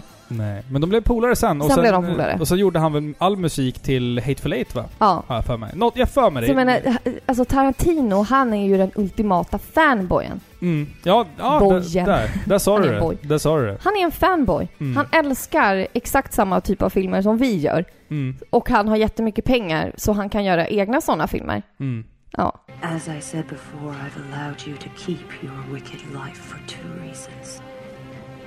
And the second reason is so you can tell him in person everything that happened here tonight. I want him to witness the extent of my mercy by witnessing your deformed body. I want you to tell him all the information you just told me. I want him to know what I know. I want him to know. I want him to know. And I want them all to know. They'll all soon be as dead as a red. Som vi pratade om tidigare, jag pratade ju om den svenska filmen Thriller. Thriller? Thriller? Thriller. Thriller från 1973. Eh, som, som då gav inspiration eh, till karaktären L. Driver. Och den här filmen är ju, det är ju en svensk, liksom, det är en svensk film. Men den blev ju totalförbjuden i typ större delar av världen. Det var den första filmen som fick, som blev X-ratad i USA också för att den var för jävla våldsam. Det handlar om den här tjejen Madeleine som då blir sexuellt utnyttjad som barn. Och eh, det, det följer med henne resten av livet. Och sen när hon då börjar att, som man säger så fint, hora, så tar hon pengarna hon får och eh, tar karatelektioner och lär sig bli typ en riktig jävla rallyförare. Och sen så åker hon runt och skjuter alla som har köpt sex av henne. Och det inspirerade ju den här Justice. filmen. Så den, den, det är liksom en, en tydlig inspirationskälla till den här filmen. Men sen har vi även ett, en handfull liksom 70-tals kung fu-filmer som har gett stor inspiration Absolut. till Kill Bill. Bland annat då en film som vi har sett, som heter Lady Snowblood. Vill du prata lite om den? Ja, alltså det här hämndtemat, det känns ju väldigt hämtat från Lady Snowblood. Eh, det är ju en film där man får möta en, eh, en ung kvinna som eh, precis som Beatrix Kiddo söker hämnd på människor som har vållat henne skada. Skillnaden här är ju liksom att det ska ju utspela sig eh, i feodal... 18... Nej, Nej, inte inte feodala. feodala. Nej, förlåt. Jag plockade det äpplet och... Ja, Jag, jag drog det ur arslet som man säger Ja, på, det på du. videospelsklubben. det, Ja. vet du, jag hade det ordet också på tungan. Feodala. Man är så jävla van vid att säga feodala Japan. Det är Ja. så här allt före Så här 1995. shoguntid. Ja, exakt. Typ. Så feodala Nej men det Japan. handlar om när Japan blev liksom industrialiserat. Mm. När västvärlden klampade bokstavligen in. Och typ introducerade kaffe. Mm. Gjorde de? Ja, I alla fall. kaffe är Eh, gott. Kaffe är gott. Så de hade tur att de fick kaffe. Ja, verkligen. Ja. De ska inte klaga. Nej. Nej. Nej men det här ska utspela sig i slutet av 1800-talet. Så vi har liksom allt det här med geishor och vi har det här gamla stuket. Mm. Eh, fast eh, västvärlden har börjat eh, göra intrång. Mm. Och då får vi möta en ung kvinna som, eh, hon är Lady Snowblood. Alltså hon... eh, så Blodsåker talar Ja, de om. mm. Alltså det, hon har liksom... Hennes enda syfte med livet är att hon har, ska, ska söka hämnd. Mm. För att hennes pappa, hennes mamma och hennes bror blev mördade av tre andra människor. Vi satt och kollade på den här filmen. Eh, och jag bara såhär, okej, vi har alltså en, eh, en, en japansk eh, film här ifrån 1973 som handlar om hämnd. Jag bara, hur intressant kan det här vara, tänkte jag. Jo då. Sen så första typ 10 minuterna så är det en kille som får sin jävla arm avhuggen och bara sprutar blod. Och jag bara, "Åh, vad i helvete är det här? Shit vad våldsam den var. Alltså, den var, den var jättevåldsam. Det var jättemycket vassa svärd och lemmar som liksom eh, lossnade ifrån, ifrån, ifrån Ja. kroppar. Men det är samma sak där. Alltså själva stuket på filmen är inte till för att bevag, alltså behaga våldsälskaren. Nej. Alltså det, det är samma sak där. Här, här leker vi med kontrasterna vackert eh, versus Mm. brutalt mm. liksom. Och man, man ser verkligen att Tarantino har hämtat inspiration därifrån. Mycket inspiration. Alltså bara det faktum att han har liksom tagit musiken rakt av. Den här låten, väl vackra skönsången som sjungs av en japansk tjej eh, i slutet där när Oren Ishii får huvudet avhugget. mm. Eller Skalpen. skalpen Ja. avhuggen. Den är ju direkt från Lady Snowblood. Mm, mm. Eh, och det är samma sak där. Det är liksom vacker kvinna på liksom vacker hämnd. ja, exakt. Ja. Exakt. Men förutom det så tycker jag inte att det är många likheter. Nej. Alltså, Alltså, själva folk sa ju typ temat är ju detsamma. Men, Temat men, är ju inte densamma. Men alltså så här, folk, som du sa nu, att fo- folk är ju verkligen så att åh, det är ju verkligen Kill Bill rakt av. Nej, det är det ju inte. riktigt. Det har ju inspirerats och det ser man ju och känner att det är väldigt inspirerat av, av, eh, av, av Lady Snowblood, men inte så jävla mycket. Liksom, Nej, direkt. det, alltså jag känner mer att man kan säga att, att Oren Ishiis karaktär är väldigt inspirerad. Ja, det kan man säga. Alltså så här till utseende, sättet hon för sig. Ja. Att hon är väldigt lugn. Alltså det... Hon gör inga onödiga rörelser liksom, men ändå är hon en livsfarlig mördarmaskin typ. Mm, mm. Mm. Just det, sen får vi inte glömma att Beatrix Kiddo bär den här overallen när hon slåss mot The Crazy 88 Som är en... Det, alltså det blir inte mer tydlig referens till Bruce Lees direkt. Nej, exakt. Exakt. Den här gula med, med svarta stripes på som jag, han hade i, var det Tower of Death? Vet du, jag minns inte, men det är när han slåss mot den här jätte, jättelika mannen. Ja, jag tror att det är Tower of Death. Jag, Mm. jag, jag drar det ur arslet. Jag säger att det är Tower of Death. Rolig anekdot om den filmen förresten. När han slåss mot honom, Mm. han den här jättelika mörka mannen. Mm. Eh, han slog så pass snabbt mot sin fiende att kameran uppfattade inte. Det där tror jag är en faktoid. Det tror inte jag. Jag tror inte att det är sant. Det tror alltså inte jag tror inte att det, det är inte Men möjligt. tänk så här, det är ju dåliga kameror på den tiden. Jo men det är väl ändå så här liksom... Ett, ett, ett, Så de sa åt honom att medvetet Ja. försöka... Men alltså även, även om det var liksom förr i tiden, man hade ju ändå, de här filmrullarna som man filmade med hade ju ändå ett visst antal frames per second. De var litet, per litet tv-spelssnack här.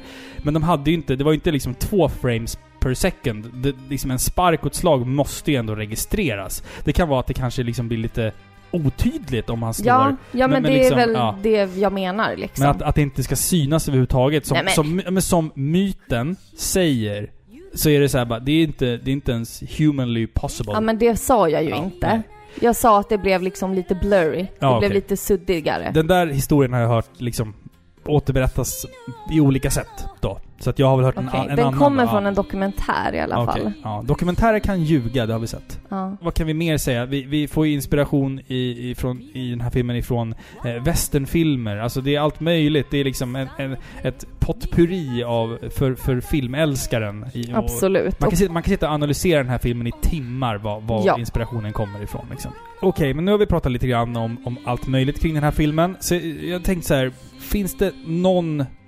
Förutom, jag vet att du älskar den här filmen, men finns finns det någon scen som du tycker att du tar med dig vart du än går i livet. Vart jag än går. Jag sitter på jobbintervju. Ja. Jag får hålla mitt barn i mina armar för första gången. Ja. Då tänker jag på scenen när Orenishi... Nej men vilken film tycker vilken scen sticker men- ut, tycker du? Det är nog den. Jag älskar scenen när man får se liksom Orenishis ursprung. Mm. Den animerade scenen. Mm. Och Den är, ja, som vi pratade om tidigare, Ja. otroligt stark. Eh, jag, jag, säger så här. Den scenen som, som lämnade mig med absolut, liksom, som, som, som jag tänker på direkt, associerar direkt med Kill Bill. Vi säger så här, vi vi inleder med att säga så här. I, den- I den här filmen så använder man över 1700 liter fejkblod. Många liter av det här fejkblodet användes i en jävla scen. Och det är scenen på House of the Blue Leaves. När Beatrix Kiddo ska slåss mot The Crazy 88 Ja, och men det är finalen liksom. Go-Go. Ja, typ finalen i filmen. Det är en jävla blodfest på det här, i, i den här festlokalen då. Um, samurajsvärd mot samurajsvärd. Ehm, vi har eh, typ ett 70-tal män och kvinnor i kostym som slåss mot Beatrix Kiddo. Och det är nog en av de mest våldsamma filmscenerna i världshistorien. Det är lemmar som, som flyger hejvilt, det är blod, det är ögon som lossnar, det är kroppar som går av på mitten. Det är, alltså det är ett cinematiskt det är blodkalas. jävla blodkalas och den absolut, absolut mest minnesvärda scenen i hela filmen. Ja, ja, absolut. De flesta som inte ens har sett filmen vet ju ändå den. Och typ, usch vad hemsk filmen är. Titta bara på den här scenen. Ja. Typ så. Och, alltså, Det bästa med den scenen, eller det som händer där, det är att när hon skriker till alla de här besegrade Mm. som fortfarande har livet i behåll. just det. Så just, säger hon liksom att ni som fortfarande lever, ni ska vara glada. Ge er av härifrån. Men lämna era lemmar. De tillhör mig nu. Då blev det plötsligt väldigt så här japanskt. Så här. väldigt, väldigt Det är så här, japanskt, ja. det är så här skamfyllt Ja. liksom. De får inte ens ta med sig sin fot eller sin hand liksom, utan Ja. de måste gå med svansen mellan benen typ. Så känns Alltså, det. vi, vi måste säga så här också. Vi har sagt att Quentin Tarantino inte gillar att liksom direkt glorifiera våld. Men det här, den här scenen är bara en, en orgie i glorifiering av våld. Det finns ingenting i den här scenen som inte glorifierar våld. Det är bara våld för att våld och blod är kul. Våld och blod är vackert. Det är därför den här scenen finns här. Och till den är till och med så jävla våldsam och blodig att man var tvungen att göra den svartvit halv, halvvägs igenom. För att censuren inte skulle släppa igenom filmen. Och ja, det är den enda anledningen till att man gjorde den där scenen svartvit. Jag vet. Ja. Folk är så här, ja men det är ett stilistiskt drag och det är liksom konstnärligt. Nej, det är för att filmen inte skulle gå igenom censuren om Ja, den hade fortsatt jag sitter ju inte här och försöker liksom få Quentin Tarantino Alltså, och verka liksom eh, helig på något sätt. Nej, nej, men jag... Jag, jag säger bara att det här är inte hjärndöd, det här är inte en hjärndöd film. Nej, nej, Det är nej, nej, nej, nej, nej, nej, nej, nej, det är det absolut inte. Nej. Men den här scenen finns ju bara till för att glorifiera och hylla filmvåldet. Ja, Och att- kanske. Och liksom den... den Men hon det, får sin revenge, hon Ja, får hämnd. Det här är liksom så mycket. Exakt. Men sen, alltså blod på film och liksom armar som flyger, det är vackert. Det är så jävla fint i den här scenen. Jag älskar den här scenen. Wow vad den är cool. Eh, sen, Ja. sen finns det även andra... Nej, jag håller inte med. Det finns ju även andra, andra scener också, liksom där Vernita Green och eh, Beatrix Kiddo gör upp i köket. Det är också en jävligt cool scen. Ehm, och då, jag tycker ändå att de hela tiden har maskerat... Tänkte du på det? De har maskerat... Som, det, är liksom, det är liksom aldrig övertydligt att det är stunt doubles i den här filmen. Utan man ser att skådespelarna har faktiskt gjort ganska mycket grovjobb själva. Ja, sånt där ser jag aldrig. Det är du som brukar typ Ja, Se i, i, så här, alltså ibland är det övertydligt. fasfel eller något sånt. Ja. Nej, inte fasfel. Nej, inte fasspel är någonting annat. Eh, med klafffel och sånt. Klafffel där, det. saker och ting byter plats och sånt där från, från kameravinkel till kameravinkel och sånt där. Men med den här filmen så tycker jag ändå, det känns ändå, det känns ändå som att det hela tiden är Uma Thurman som är där och slåss och, och, Ja, ja. och ser till att det... Att Och hade det, inte du sagt det där nu så hade jag trott att det var hon hela tiden. Nej, det, det, det är inte hon hela tiden. Nej. Eh, och sen också, den här scenen är också... Eh, just den här eh, House of Blue Leaf-scenen. Det är inte alls speciellt mycket CGI, utan det är nästan, nästan, nästan, nästan, nästan bara praktiska effekter. Och det är ju för att Tarantino vill hylla den här gamla konsten. Han ville inte ha med något onödigt datoranimerat. Nej, exakt. Nej. Exakt. Det ska vara the real shit liksom. Ja. Men om vi, om vi går vidare här. Vad hade kunnat gjort den här filmen liksom bättre? Ja, men det är lite det som jag har nämnt tidigare. Att den hade inte behövt vara lika humoristisk som den är. Alltså jag tycker att huvudpersonen, hon tjänar visserligen på att inte vara en sån här stereotyp, perfekt, snygg, ung kvinna liksom Mm. som ska, alltså så här med pattarna upp i vädret, eh, som ska söka hem på ett sexigt sätt. Typ nej. Hon tjänar på att vara lite Vad var det där för ljud? Var det så Hannibal Lecter som vaknade till liv i dig eller? Ja, det borde du veta. Eh, hon tjänar på... Vad Men fan jag vet menar inte. du med det? Ja, men move on! Låt mig prata. Hon tjänar på att... du veta. Förlåt, fortsätt, fortsätt. Tyst nu! Ja, jag ska vara tyst, jag ska vara tyst. Hon tjänar på att vara lite mer bjussig, liksom. Men ibland blir det för mycket. Jag hade föredragit en mer seriös ton i vissa scener. Mm. Som sagt.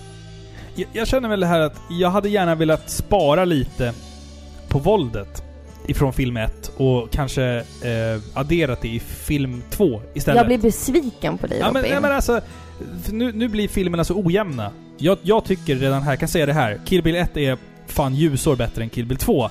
Eh, Ljusår. Ah, ljusår kanske var att ta i då, men, men den är bättre tycker jag. Du Eh, uppskattar inte karaktärerna i ettan om det inte vore för djupet i tvåan. Jag vet inte. Jag hade bara velat ha liksom lite mer våld i tvåan. Och sådär. Men det, det är bara jag.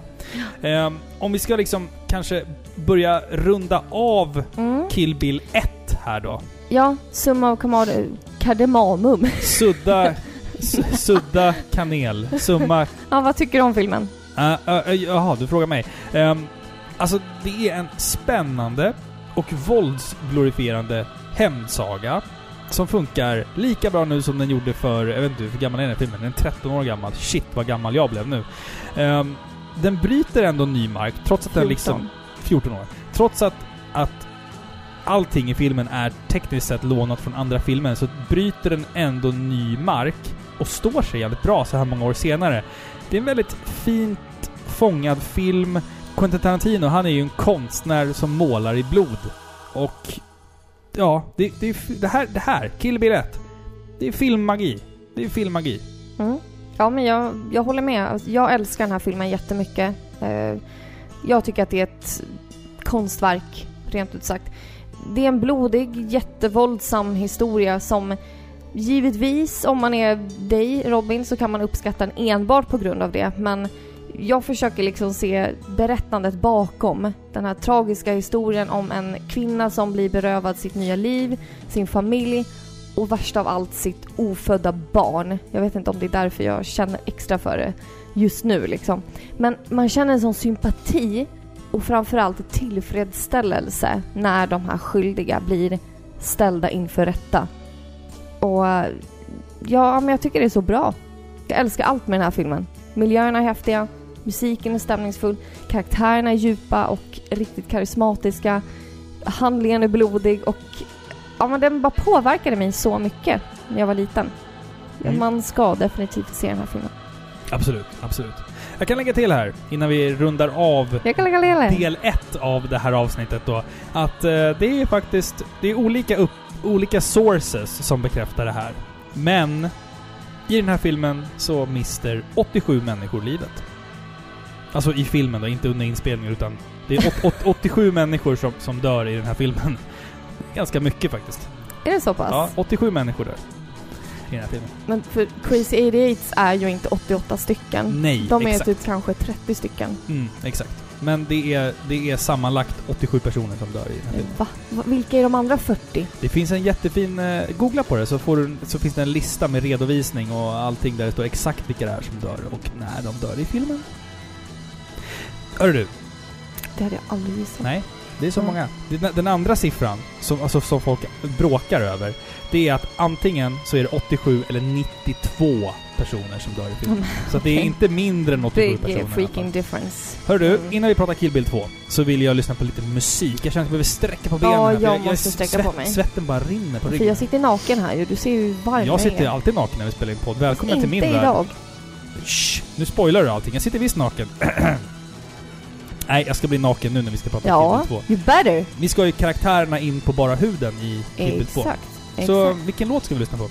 Det vet inte jag. Vi väljer någon låt här. Vad, vad heter den där, den där spanska låten? Som, som, Jaha, ska vi ta den? Den ska vi lyssna på. Okej, Vad heter ska vi den? lyssna på Malagueña Salerosa. Den- Den ska jag sjunga med. Den är ju så bra alltså. Ska inte ha mig, min röst i bakgrunden.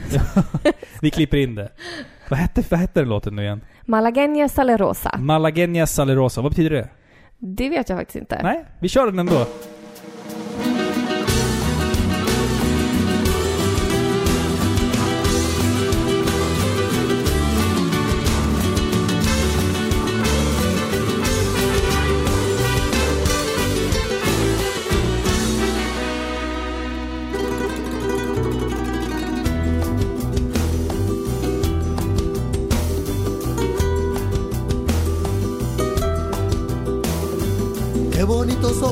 Debajo de esas dos cejas, debajo de esas dos cejas, qué bonitos ojos tienes. Ellos me quieren mirar, pero si tú no los dejas, pero si tú no los dejas, ni siquiera parpadear. Malagueña, salerosa.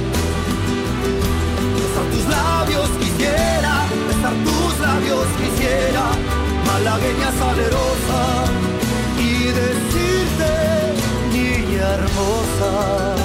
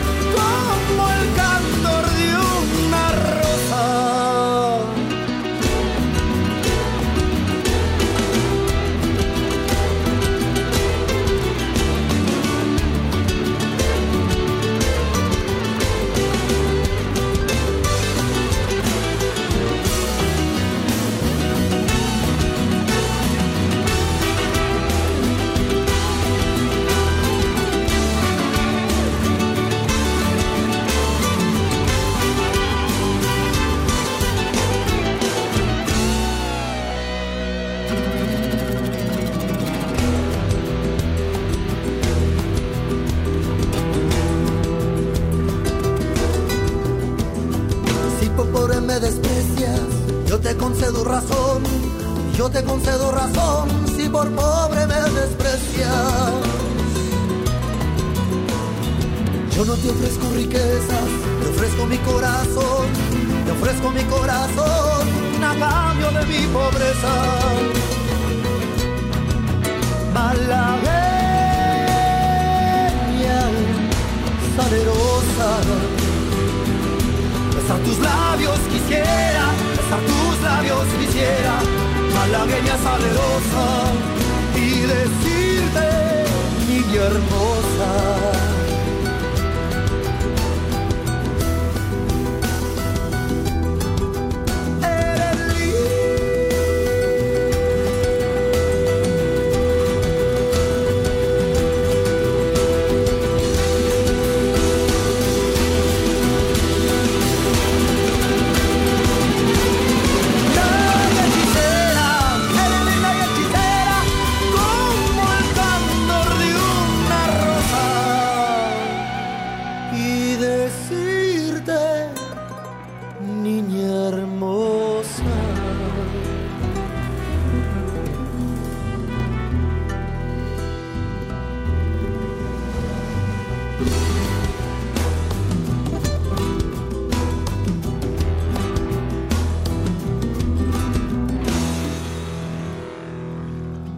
Hoppas jag för din skull att du valde den rätta versionen av Malagueña Salerosa. Och inte Avenged Sevenfold.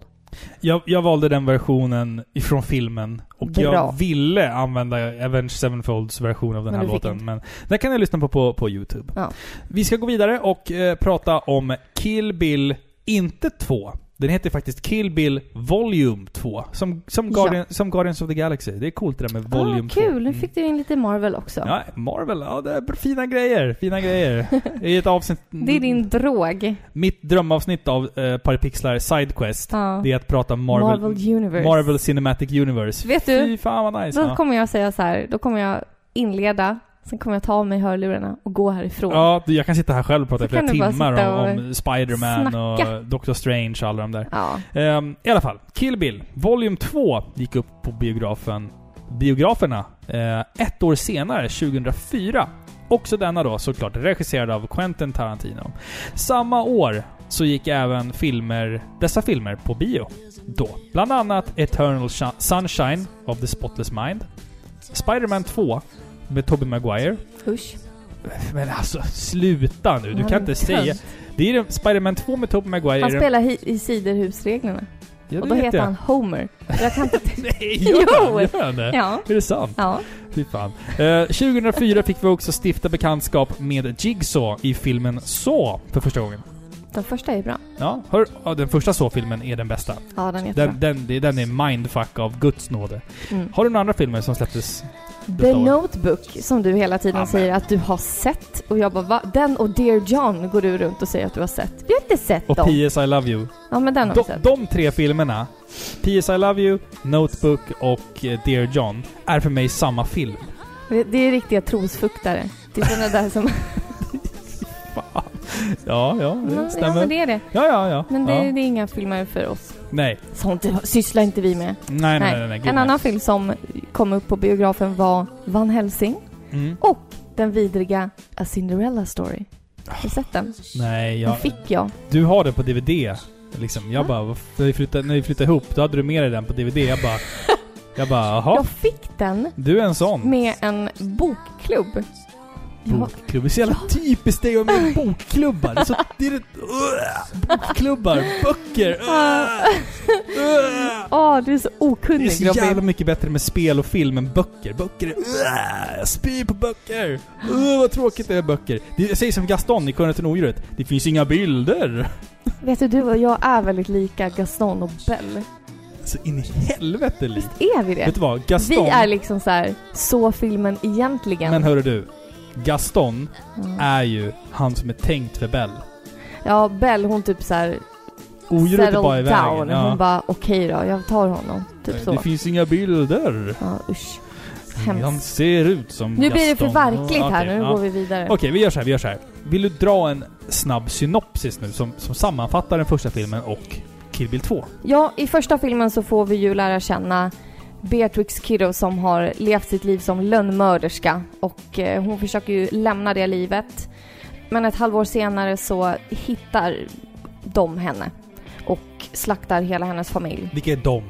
Hennes forna vänner, om man kan kalla dem det, kollegor, lönnmördare, Ja. Deadly Viper Assassination Squad. Eh, nu är vi framme vid tvåan. Eh, och nu har ju hon då avverkat två av fem på sin dödslista. Och nu är det dags att lämna det här vackra Japan och istället styra stegen mot smutsiga och sandiga öknen i El Paso, Texas. Den här gången så ska hon istället då ta sig an Bud och L-Driver och slutligen då Bill som är hennes forna arbetsgivare.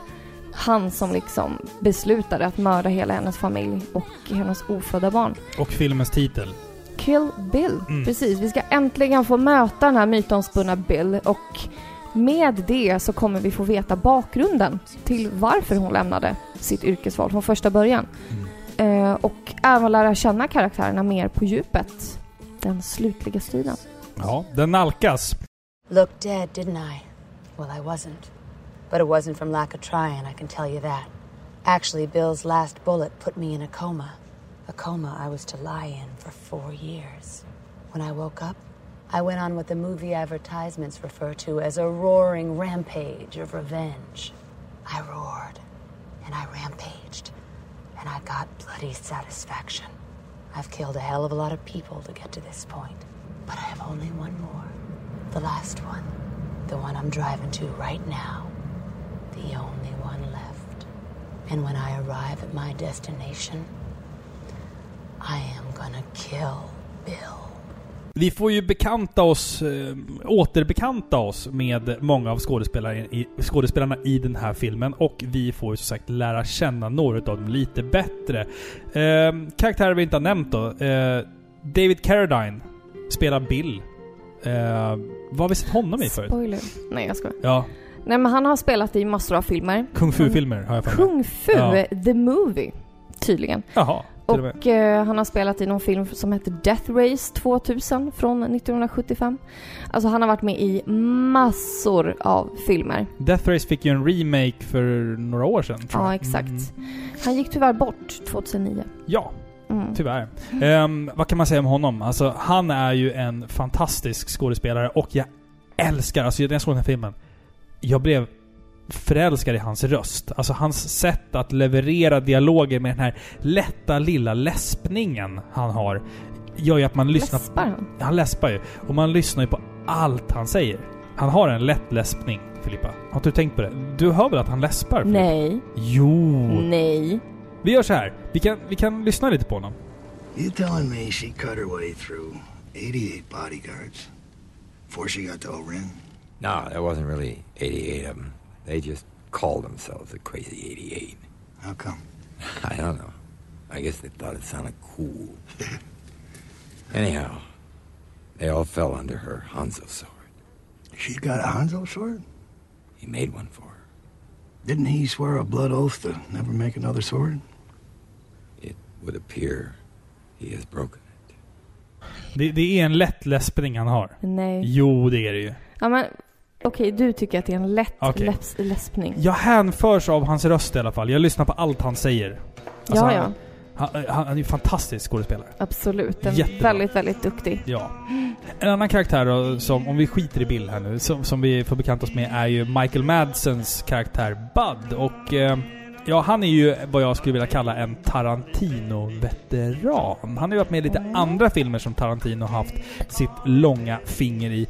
Och eh, bland annat då Reservoir Dogs, som är min favoritfilm. Ja, eh, exakt. faktiskt. 80-talisterna brukar nämna den som favorit istället. Ja men det är alltså Ray-Ban Glyer, kostym, ett gäng killar som inte kan hålla sams i en lagerlokal. Du känner igen den. den är så jävla bra den filmen. Ja, Ehm, ja, han är ju han är en fantastisk sliskig karaktär i den här ja filmen. slisk är Ja. rätt ord. Sliskig jävla redneck-typ som man funderar sig har han varit en lönnmördare? Hur fan i helvete gick det till? Och jag tycker han, Exakt. han förmedlar den där sliskigheten på ett fantastiskt sätt. Mm. Och det, det roliga är att kritikerna typ hatade ju honom för den här filmen. Och jag bara, ni, ni, ni är dumma huvudet allihopa. Han är ju lysande tycker jag.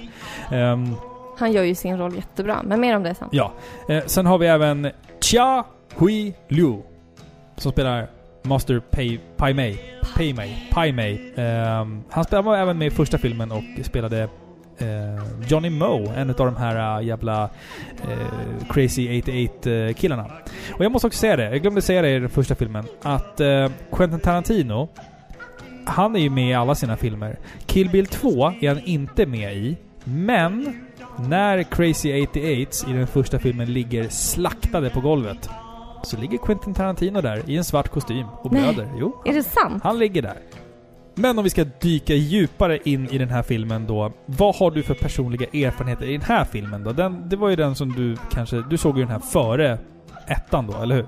Ja, exakt. Och jag har redan berättat om när jag såg den första gången. Mm, exakt. Så att jag blev helt hänförd. Ja. Mm. När jag såg den första gången, ehm, alltså... Ja. Jag tyckte väl att den var okej. Jag tyckte den var liksom... Den var bra, men den var lite segare än den första filmen. Tyckte jag. Det var liksom mitt, mitt tonåriga intryck. Jag gick i gymnasiet när den här filmen kom vet jag. Och mina polare bara sa vi ska gå och se Kill Bill 2 eh, ikväll på bio, ska du med? Och jag bara ah, okej, okay, hakar på. Och sen så bara så här. Sen så hyrde den på DVD och var så här, Bra, ganska, ganska okej. Typ sådär. Ja, vi, vi, vi, vi kan lämna det. Vi kan gå vidare då och prata lite grann om karaktärer och karaktärsutveckling. Vill du, vill du börja här? Ja, alltså den här filmen skiljer sig ju väldigt, väldigt mycket från första. I den här filmen så är det ju liksom mer betoning på just karaktärsutvecklingen än i första. Första la ju mer grunden för karaktärerna och det här explosiva levnadssättet. Den här filmen berättar ju istället historien om varför, hur och när i tiden allting skedde liksom. det här tycker jag är väldigt intressant för vi har ju redan sett vad Beatrix Kiddo är kapabel till. Men nu får vi istället se vem hon egentligen är. Ja, alltså det, det man kan säga här är ju att det här är ju filmen som tekniskt sett egentligen borde ha varit den första filmen. Det är kanske är därför vi tycker lite olika om de här filmerna. För att det här är ju den filmen liksom som förklarar varför allting händer. Varför allt våld sker. Det är ju liksom Beatrix och Bills story. Det är deras film. Det är deras kärleksdrama som vi liksom försöker reda ut i den här filmen.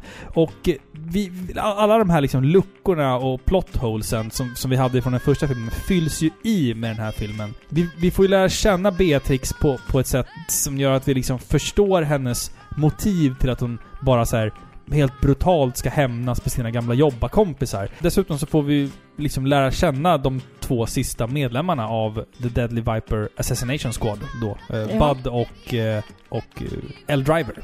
Ja, men precis. Men ja, jag håller med. När det gäller karaktärer och deras relationer så är ju den mest spännande relationen den mellan Beatrix och Bill. Mm. Om jag liksom ska fortsätta på det du pratade om. Mm. För hittills har det liksom bara känts som en enbart yrkesbaserad relation. Även om vi vet att Bill har en tendens att liksom behandla sina anställda som eh, sina flickor Mm. fick mm. vi lite av i ettan så. Men här blir det liksom tydligt att Beatrix var just hans favorit. Och att de till och med hade en relation. Och då blir det precis som du säger, lite mer förståeligt, alltså inte rättfärdigande, men mer förståeligt varför han blev så upprörd över att hon stack. Mm. Han blir ju plötsligt mänsklig på det sättet. För vem hade velat bli lämnad av den man älskar bara för att hitta henne ett halvår senare på väg till altaret med en annan man? Och då beslutar han sig för att skicka fyra lönnmördare på henne. Ja, alltså det är ju det, är det här jag Ja. menar. Det är ju extrema situationer som begås, extrema handlingar som begås av extrema, instabila och labila människor liksom. Mm. Det är ju otroligt intressant och här i den här filmen så får vi istället ett ansikte på honom. Innan har han bara varit den här mystiska rösten i telefonen som på något sätt är spindeln i nätet. Typ, typ i första filmen så är han ju typ Dr. Claw i, i Kommissarie Gadget. Man får bara se hans hand typ. Ja men eller hur? Ja. Alla vill ju veta hur Bill såg ut. Ja, exakt. Och de hade inte kunnat välja en mer eh, passande karaktär. För att han är så... Man känner respekt för honom. Han är äldre han är äldre än också, henne. Han är en veteran. Han har varit med länge. Man Mm. ser det på honom. För liksom trots att han är så pass ondskefull som han är så har han ändå en viss moral. Och han liksom handlar efter vad sitt hjärta säger åt honom. Mm. Och det är en väldigt intressant vinkel på det hela tycker jag. Men sen måste jag säga att jag älskar hur de porträtterar Bills bror. Alltså Bud. Mm, ja. Här avdankade mördaren som städar upp efter lodisar på någon äcklig strippklubb mitt i öknen liksom. Han får skit på jobbet för att han kommer sent. Ja, Och, alltså, ingen har en aning om vilken farlig man han egentligen är. Han blir Mm. liksom hunsad av chefen. Man tycker nästan synd om honom. Det är kul att se Bill och Buds interaktion med varandra också. När, när, när eh, Bill besöker Bud och han bara 'Har du kvar ditt gamla Hattori Hanzo svärd?' Han bara 'Nej. Jag pantade det för ett tag sedan. Jag fick lite pengar för det.' Ah. Han bara... Och Bills reaktion där, alltså det är så, så jävla guld alltså. Jag älskar den Ja. scenen. Han bara Hattori Hanzo liksom. Ja. That sword is priceless. Not in Precis. El Paso it ain't. Man bara, det är så hemskt liksom. Ja men han är så avdankad och Ja.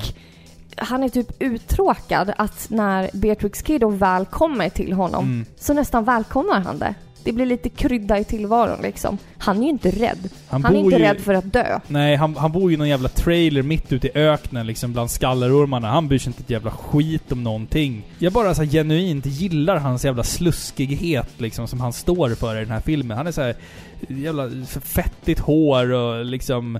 Fast han är, han är... Han är jävligt snygg. Nej, äh, nej jag gillar inte hans utseende. Jag tycker han är snygg. Jag Det- förstår att folk finner honom attraktiv typ när han var yngre men Nej, jag gillar inte ett sånt Nej, utseende. Jag tycker han är Han ser snygg. såhär average American Joe typ. Ja, Ja. jag tycker han är snygg där. Fan, cowboyhatt och allt liksom. Nej fy, det vad, gillar vad jag mer kan en inte. kvinna begära än en karl med cowboyhatt liksom?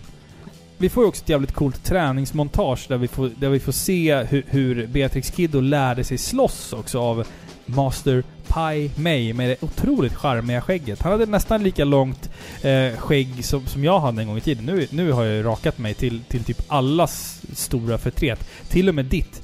Jag bara, ska jag ta bort allt? Du bara, nej, nej gör inte det. Men, jag, Men du har frågat mig det typ tio gånger tidigare i historien. Jag bara, frågar du mig? Nej, nej, jag vill inte för det. Du, du, du har... Du ett, gör vad du vill, men du har jag ett hat emot min haka. Du hatar min haka. Nej, jag hatar inte din haka. Det är precis det du gör. Du vill bara Nej. att den ska försvinna och maskeras av ett skägg.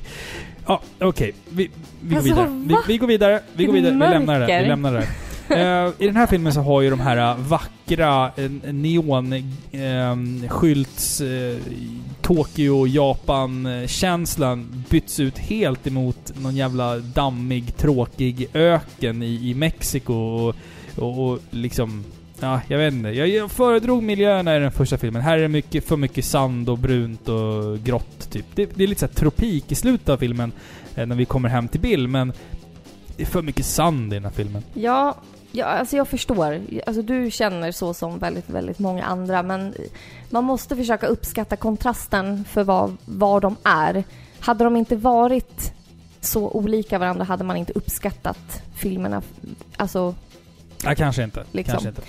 men precis som du säger, vi lämnar ju det här perfekta Tokyo och hamnar i någon skitig ingen vet var-håla liksom Mm, i mm. Texas. Allt är brunt, sandigt, smutsigt och det ser ut att stinka av svett och sprit liksom. Men Mm. jag älskar det här att de leker med kontrasterna för det är verkligen två helt olika filmer. D- Den första känns ju nästan så här surrealistisk och drömsk Mm, jämfört med den här som är råare, den är brutalare och mindre clean liksom. Och det här får mig faktiskt att tänka på två andra filmer som också är två av mina många favoritfilmer som jag har. Twilight och Harry Potter. Ja. Nej då. Nej. Känner du mig? Eh, Harry Potter gillar jag dock. Ja, men de är bra. De är bra. Nej men jag tänker faktiskt på House of Thousand Corpses som kom 2003 och Devil's Reject som kom 2005. Regisserad av Rob Zombie. Ja, också skitiga filmer. Alltså första filmen, precis som Kill Bill 1, den är så extrem och surrealistisk att det blir liksom overkligt. Medan andra filmen fokuserar på att sätta kött på benen, eh, förklara bakgrunden till karaktärerna, är liksom en mer rå och verklig tappning. Så de har liksom likheter känner jag. Mm, ja, kanske. Kanske. Jag tror vi kommer komma in på det där när vi pratar handling här alldeles strax. Um, vad- kan vi nämna någonting om musiken i den här filmen? Den är väl ganska mycket... Den, de, Quentin Tarantino använder musiken lika effektfullt som i den första filmen. Han vet när han ska placera musiken och vart han ska göra det. Ehm, tycker jag. Det är väl inte som ingen, ingen större skillnad egentligen. Eller vad säger du? Nej, alltså jag, man blir inte besviken Nej, här. Stämningen är kvar liksom. Det är den här känslan av ensamhet och hopplöshet. Vi har ju Ennio Morricone som står för den biten Mm, liksom. mm. Eh, jag tycker att man, man kan verkligen känna att man vandrar ensam i en het öken. Utlämnad och trött. För, Mm. hon, för hon verkar trött i den här filmen, eller hur? Trött på att slåss. Ja, men hon vill ju bara få... Hon är lite som mig i den här filmen. Hon vill bara få, få slut på det liksom. Är det så du känner grann. nu också? Ja, lite. Alltså, li, alltså på, på ett sätt ja, på ett sätt nej. Ehm, Jag menar avsnittet. Jaha, nej nej nej, nej. Vi, vi kan hålla på länge till här. Men vi kan, vi kan ju liksom kasta oss in i handlingen med en gång, om du vill. Eh, det är, jag menar att vi ska ju tvära kast här. Ja, ja, men Jag- absolut. Vad tycker du om handlingen? Det, det, det jag ville lite på Ja, det. det var det jag ville komma in på. Att de här två filmerna, Kill Bill 1 och 2, de skiljer sig ju så brutalt mycket från varandra, som vi tidigare har sagt.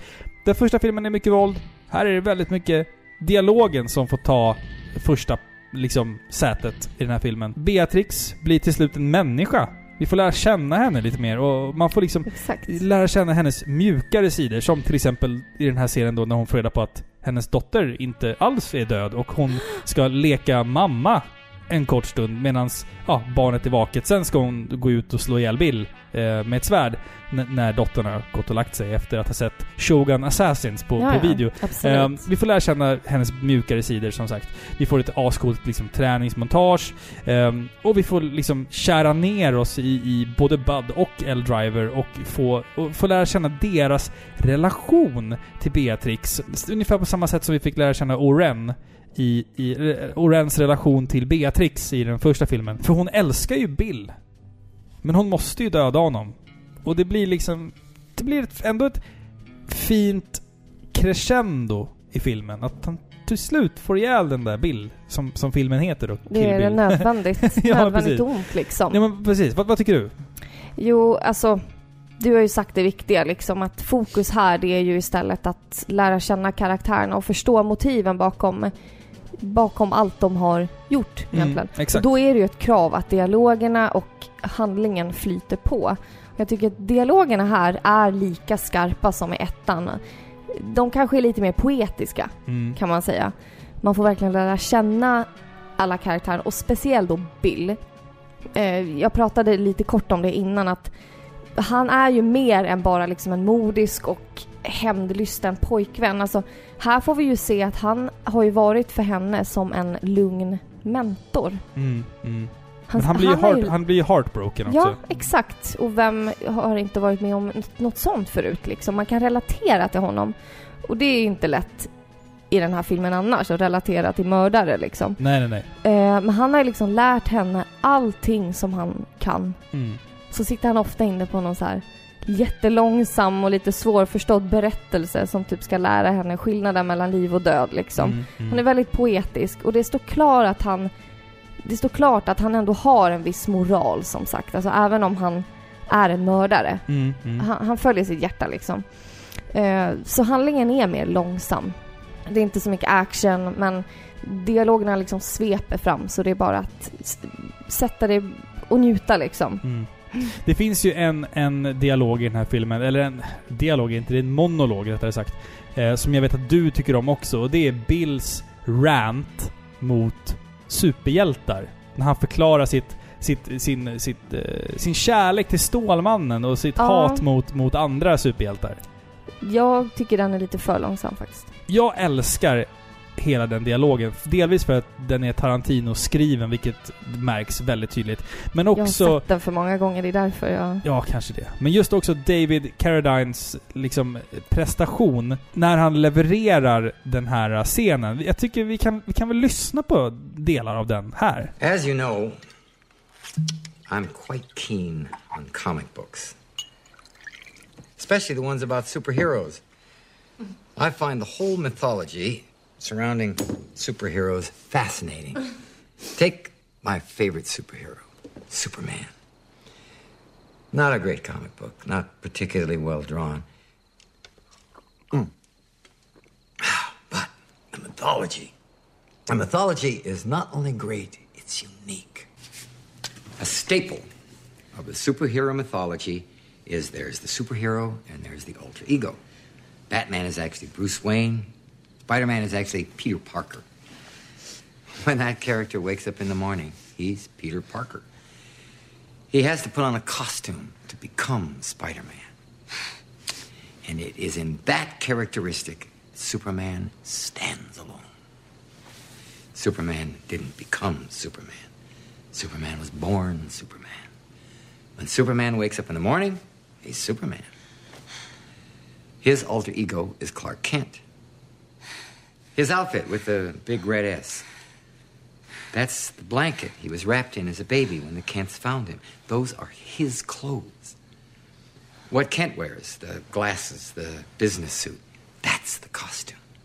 That's the costume Superman wears to blend in with us. Clark Kent is how Superman views us. And what are the characteristics of Clark Kent? He's weak. He's unsure of himself. He's a coward. Clark Kent is Superman's critique on the whole human race. Fantastiskt skådespel. Ja, ja absolut. Eller vad säger du? Det är fan magiskt alltså, Beatles. Ja, ja, absolut. Shit vad han är bra i den filmen. Jag Ehm, tycker ändå att man kan säga, när det gäller de här båda filmerna, Mm. även om den här tillför mycket mer kött på benen, så får vi liksom bara det nödvändiga. Det är så mycket man skulle kunna fråga sig. Hur Mm. träffade hon Bill från början? Hur kommer en amerikansk blond tjej liksom in att bli en lönnmörderska? mm, mm. Men vi får bara reda på det nödvändiga. Och det tycker jag är väldigt proffsigt av just Quentin Tarantino att skickligt kunna utelämna vissa saker utan att få filmen att kännas torr och simpel. Mm, exakt. exakt. Istället blir det liksom, man sitter ju inte där och bara alltså jag fattar ingenting. Istället blir det mystiskt. Mm. Vi vill veta mer. Man hade kunnat göra fem filmer om det här temat och karaktärerna. Se El Drivers bakgrund eller, ja men du vet. Ja, exakt. Och det tycker jag är väldigt skickligt. Han skapar en värld utan att säga för mycket. Men det är också liksom väldigt typiskt eh, Tarantino eh, och hans sätt att liksom göra film. Vi, vi, vi känner ju till hans dialogskapande och det har vi pratat väldigt mycket om och den får ju som sagt ta första rummet i den här filmen. Ehm, och det jag tycker är så komiskt då, om vi ska gå in lite grann och prata om, om vad som är liksom typiskt Tarantino i den här filmen. Det är ju bara så här, typ som den svartvita inledningen i den här filmen, där vi har en monolog med Uma Thurman som kör bil och tittar in i kameran och bara And this time I'm going to kill Bill. Och tittar in, och så är det så här liksom eh, noir filmmusik till och man bara säger okej, nu blev det här någon sån här gammal svartvit deckarfilm, typ. Och det är så här, han använder sig av så många olika sätt. Som att en scen i filmen så byter han liksom format och filmar i...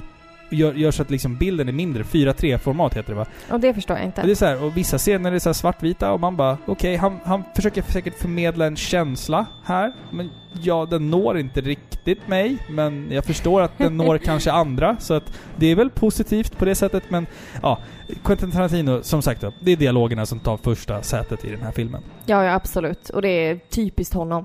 Now, when it comes to you and us, I have a few unanswered questions. So, before this tale of bloody revenge reaches its climax, I'm going to ask you some questions, and I want you to tell me the truth. However, therein lies a dilemma. Because when it comes to the subject of me, I believe you are truly and utterly incapable of telling the truth, especially to me, and least of all, to yourself. And when it comes to the subject of me, I am truly and utterly incapable of believing anything you say.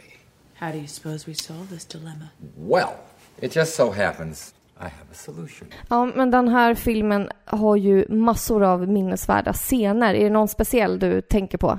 Förutom konfrontationen med Bill i slutet på filmen då, som är när hon får spela mamma. Bill och Beatrix är liksom bästa kompisar, lite kärlekskranka sådär inför deras dotter.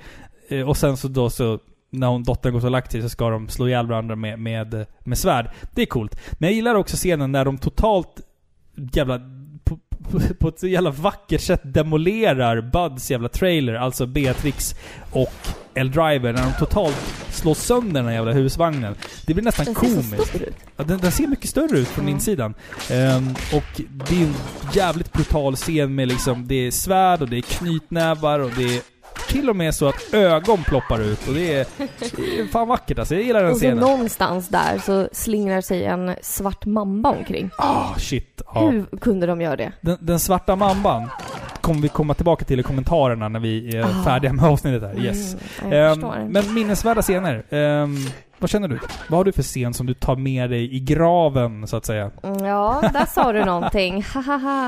Jo, jag har en scen som jag gillar. Eh, hon blir ju levande begravd av Ja. Bud då. Och det är så fult. Alltså, det säger så mycket om honom egentligen. Han kan inte ens unna henne en rättvis kamp. Utan han måste skjuta henne full med salt i bröstet och sen gräva ner henne. Mm. tycker jag. Det säger ganska mycket om honom.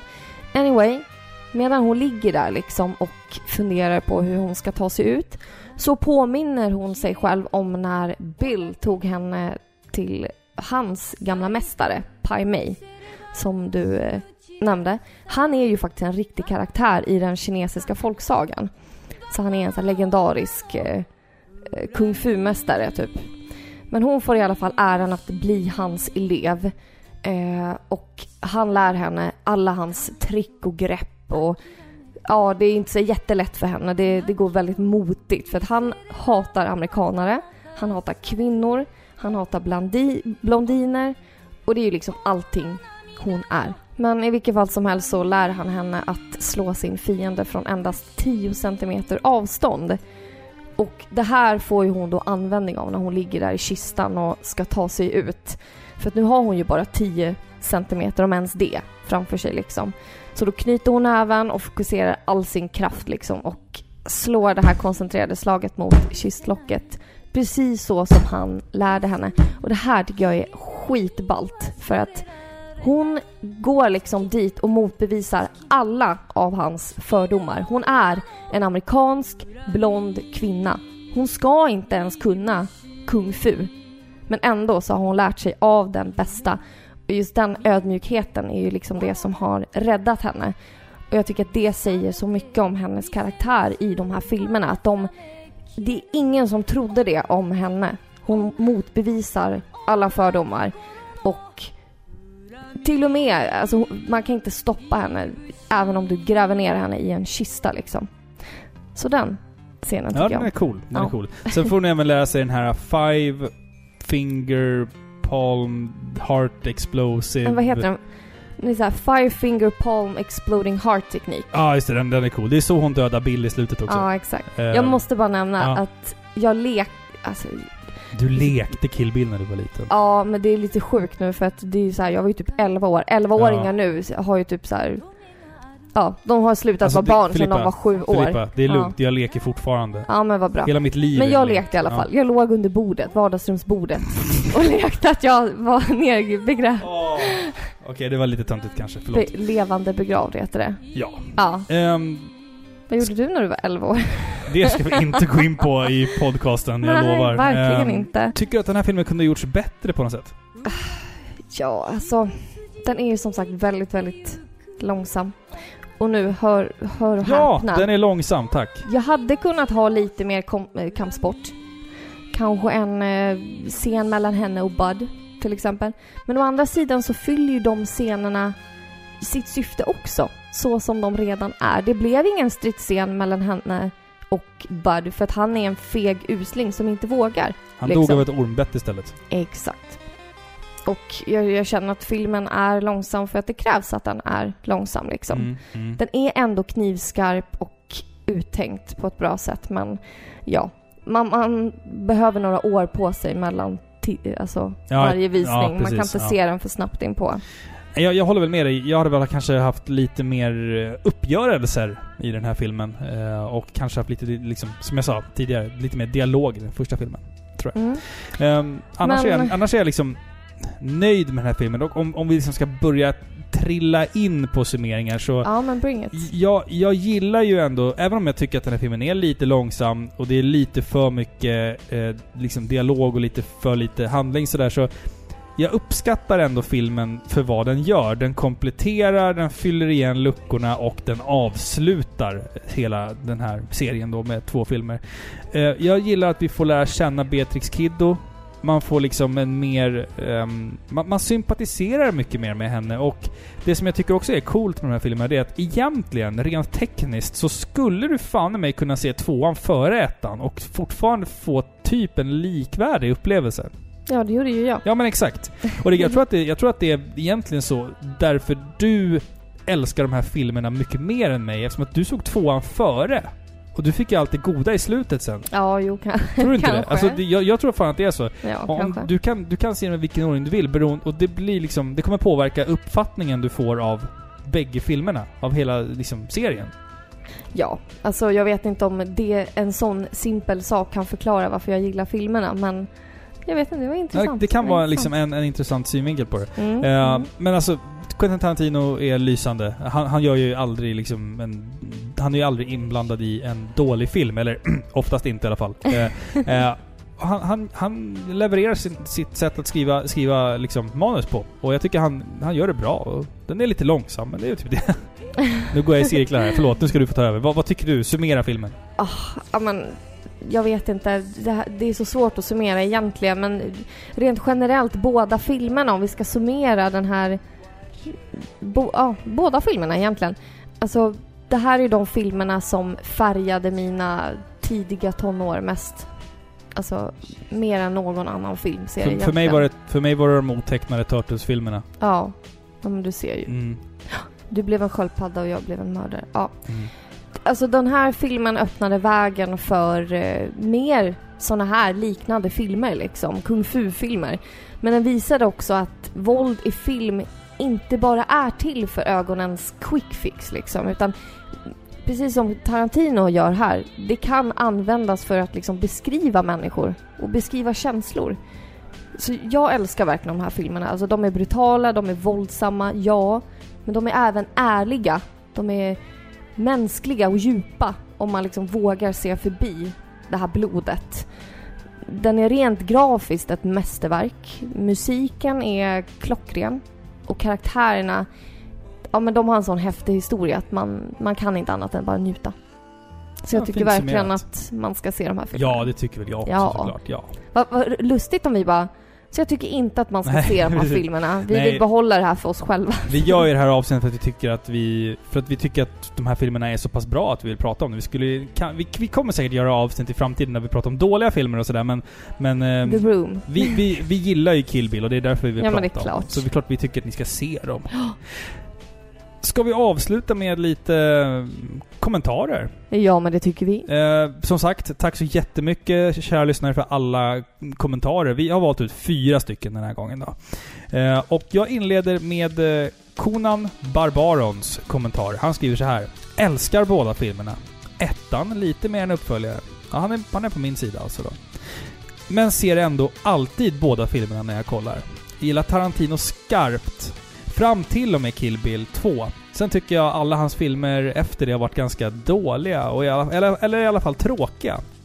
Även fast vissa karaktärer i de senare filmerna har varit bra. Jag älskar ju Christopher Waltz till exempel. Ja, han är ju en lysande skådis och han är så jävla, jävla obehaglig i Inglourious Basterds när han Ja. är den nazistkaptenen. Ja.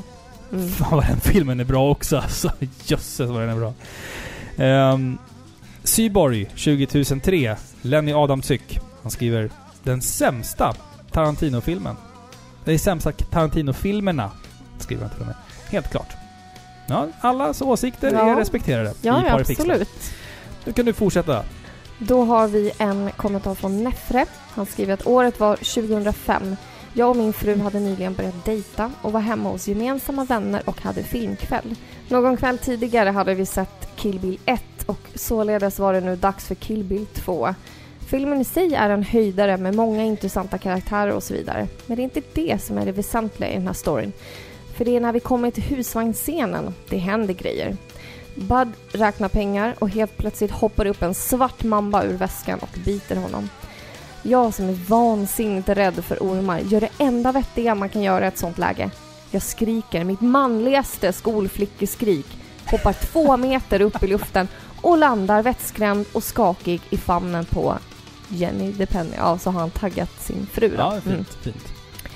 Där sitter 1,60 meter och 50 kilo förvånad Jenny med famnen full av 1,84 meter och 90 kilo livrädd och skakig Andreas. Men det gick ju bra i slutändan i alla fall. Jag har ju två barn och är gifta, så något måste hon se i mig i alla fall. Det var fin. det Liten, var liten, fin. Fan, du, du träffade liksom din fru med, med, med Kill Bill. Det är fan, men det fan var fint. Ja, jättefint. Ja, det var jättefint. Hoppas ni lever lyckliga än idag. Ja, men det tror jag. Fan. Se filmerna Ja. igen Ja, nu. ja, ja, men hoppa inte på henne bara. Nej. Nej. Nej, nej, nej. nej. Eh, Vi har en sista kommentar av Joakim W. Andersson. Han säger han har inte sett dessa på flera år men vill minnas att första var awesome. Den hade så mycket olika saker och stilar. Kanske man kan säga att den blev aldrig förutsägbar eller tråkig. Förutom då, man, förutom då att man visste att The Bride skulle överleva eftersom det skulle komma en tvåa. Andra filmen var däremot tråkig. Mycket märklig tempoförändring. Borde dock se, se om den då det var ett bra tag sedan. Kanske ha bättre eller sämre smak nu. Ja, Mm. alltså det här är ju verkligen en vattendelare egentligen. Mm. En del älskar tvåan, en del tycker att den är tråkig. Och precis som Conan Barbaron skriver där i första Mm. kommentaren att många av Tarantinos filmer har blivit tråkiga efter det. Alltså jag tror att Tarantino ibland har en eh, benägenhet att dra ut på saker. Det är lite som att han blir... Eh, det blir lite för pretentiöst. Mm. Lite som du vet han eh, Woody Allen. Hans filmer är väldigt kända för att också vara så här skitlånga dialoger och jätteknepiga stämningar liksom. Och då känns det som att en, en regissör kanske har med sånt bara för att. Mm. För att mm. den ska liksom verka mer intressant och en liten scen kan liksom dröjas ut hur mycket som helst bara för att det ska kännas, eh, för att den ska verka djup. Mm. Förstår du? Alltså jag, jag tycker ju att eh, Django Unchained, som Tarantino gjorde senare då, är ju väldigt bra. För där har du en perfekt balans mellan story, spänning och våld. Jag, jag tycker den filmen har hela det spektrat eh, i ett härligt och tillfredsställande tempo. Tycker jag. Så Ja. jag tycker inte allt han har gjort efter Kill Bill är skit, men... Det tycker verkligen inte jag. Alltså Tarantino är en av mina favoritregissörer. Eh, men ja, alltså jag tycker att många av hans filmer är lite för pretto. Alltså han lägger, alltså Ja, han på drar vissa ut sätt, på ja. saker. Ja, mm. Jag såg ju den här The Hateful Eight. Mm, den har inte jag sett än. Den var bra, men den var ju typ såhär två, två och en halv timme Men snygga Kurt Russell. som är död. Nej, Nej. Kurt Russell är inte Eh, död. Alltså, nu, nu ska vi bara informera er Nej, jag om att, orkar inte. att jag och Robin, vi har en intern skämt att jag säger att Kurt Russell är död. För jag fick för mig det av någon anledning. Så varje gång Robin nämner honom så måste jag lägga till att Filippa, han är ju död. får jag, får jag bara tillägga att när, när Kurt Russell, eller som jag kallar han för, Snake, Plisken, Ja. dör, då kommer det bli sorg i det här huset Ja, i två veckor. Och jag kommer Ja, bara kolla på hans filmer om och om Jag igen. förstår det. Men Även de med Goldie Hawn. du, du har ju inte sett en av hans roliga... Nu ska vi avsluta podden här. Nu, nu, Du- nu ska vi avsluta här. Vi ska inte prata Big om det. Trouble in Little China. Nej, jag har inte sett den. Nej, den är rolig. Jag vet att Ja. folk säger att det är en jävla kultfilm. Jag har inte sett Den- den. den jag, är ska, jätterolig. jag ska fan gå och se den. Jag ska fan gå och se den nu. Eh, Hörni, vart hittar vi Parapixlar? Vi finns på Instagram, Parapixlar. Vi På- finns på Facebook, Ja. Parapixlar. Videospelsklubben.se. Mm. Där finns vi tillsammans med våra härliga kollegor. Ja. Ja, och sen finns vi på... iTunes. Ja, Eh, Acast, där det fortfarande fattas en massa ja avsnitt. men de... Det är så jävla luddigt. Jag Jag vet, inte vad de håller på med.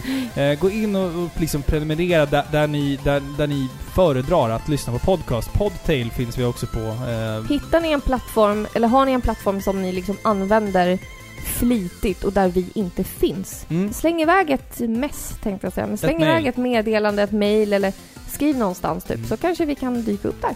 Maila oss på paripixlar.gmail.com. Eh, tack för att ni har lyssnat på Sveriges mest kärleksfulla tv-spelspodcast som ibland pratar om annat än spel. Ja, men precis. Mm. Tusen tack ska ni ha.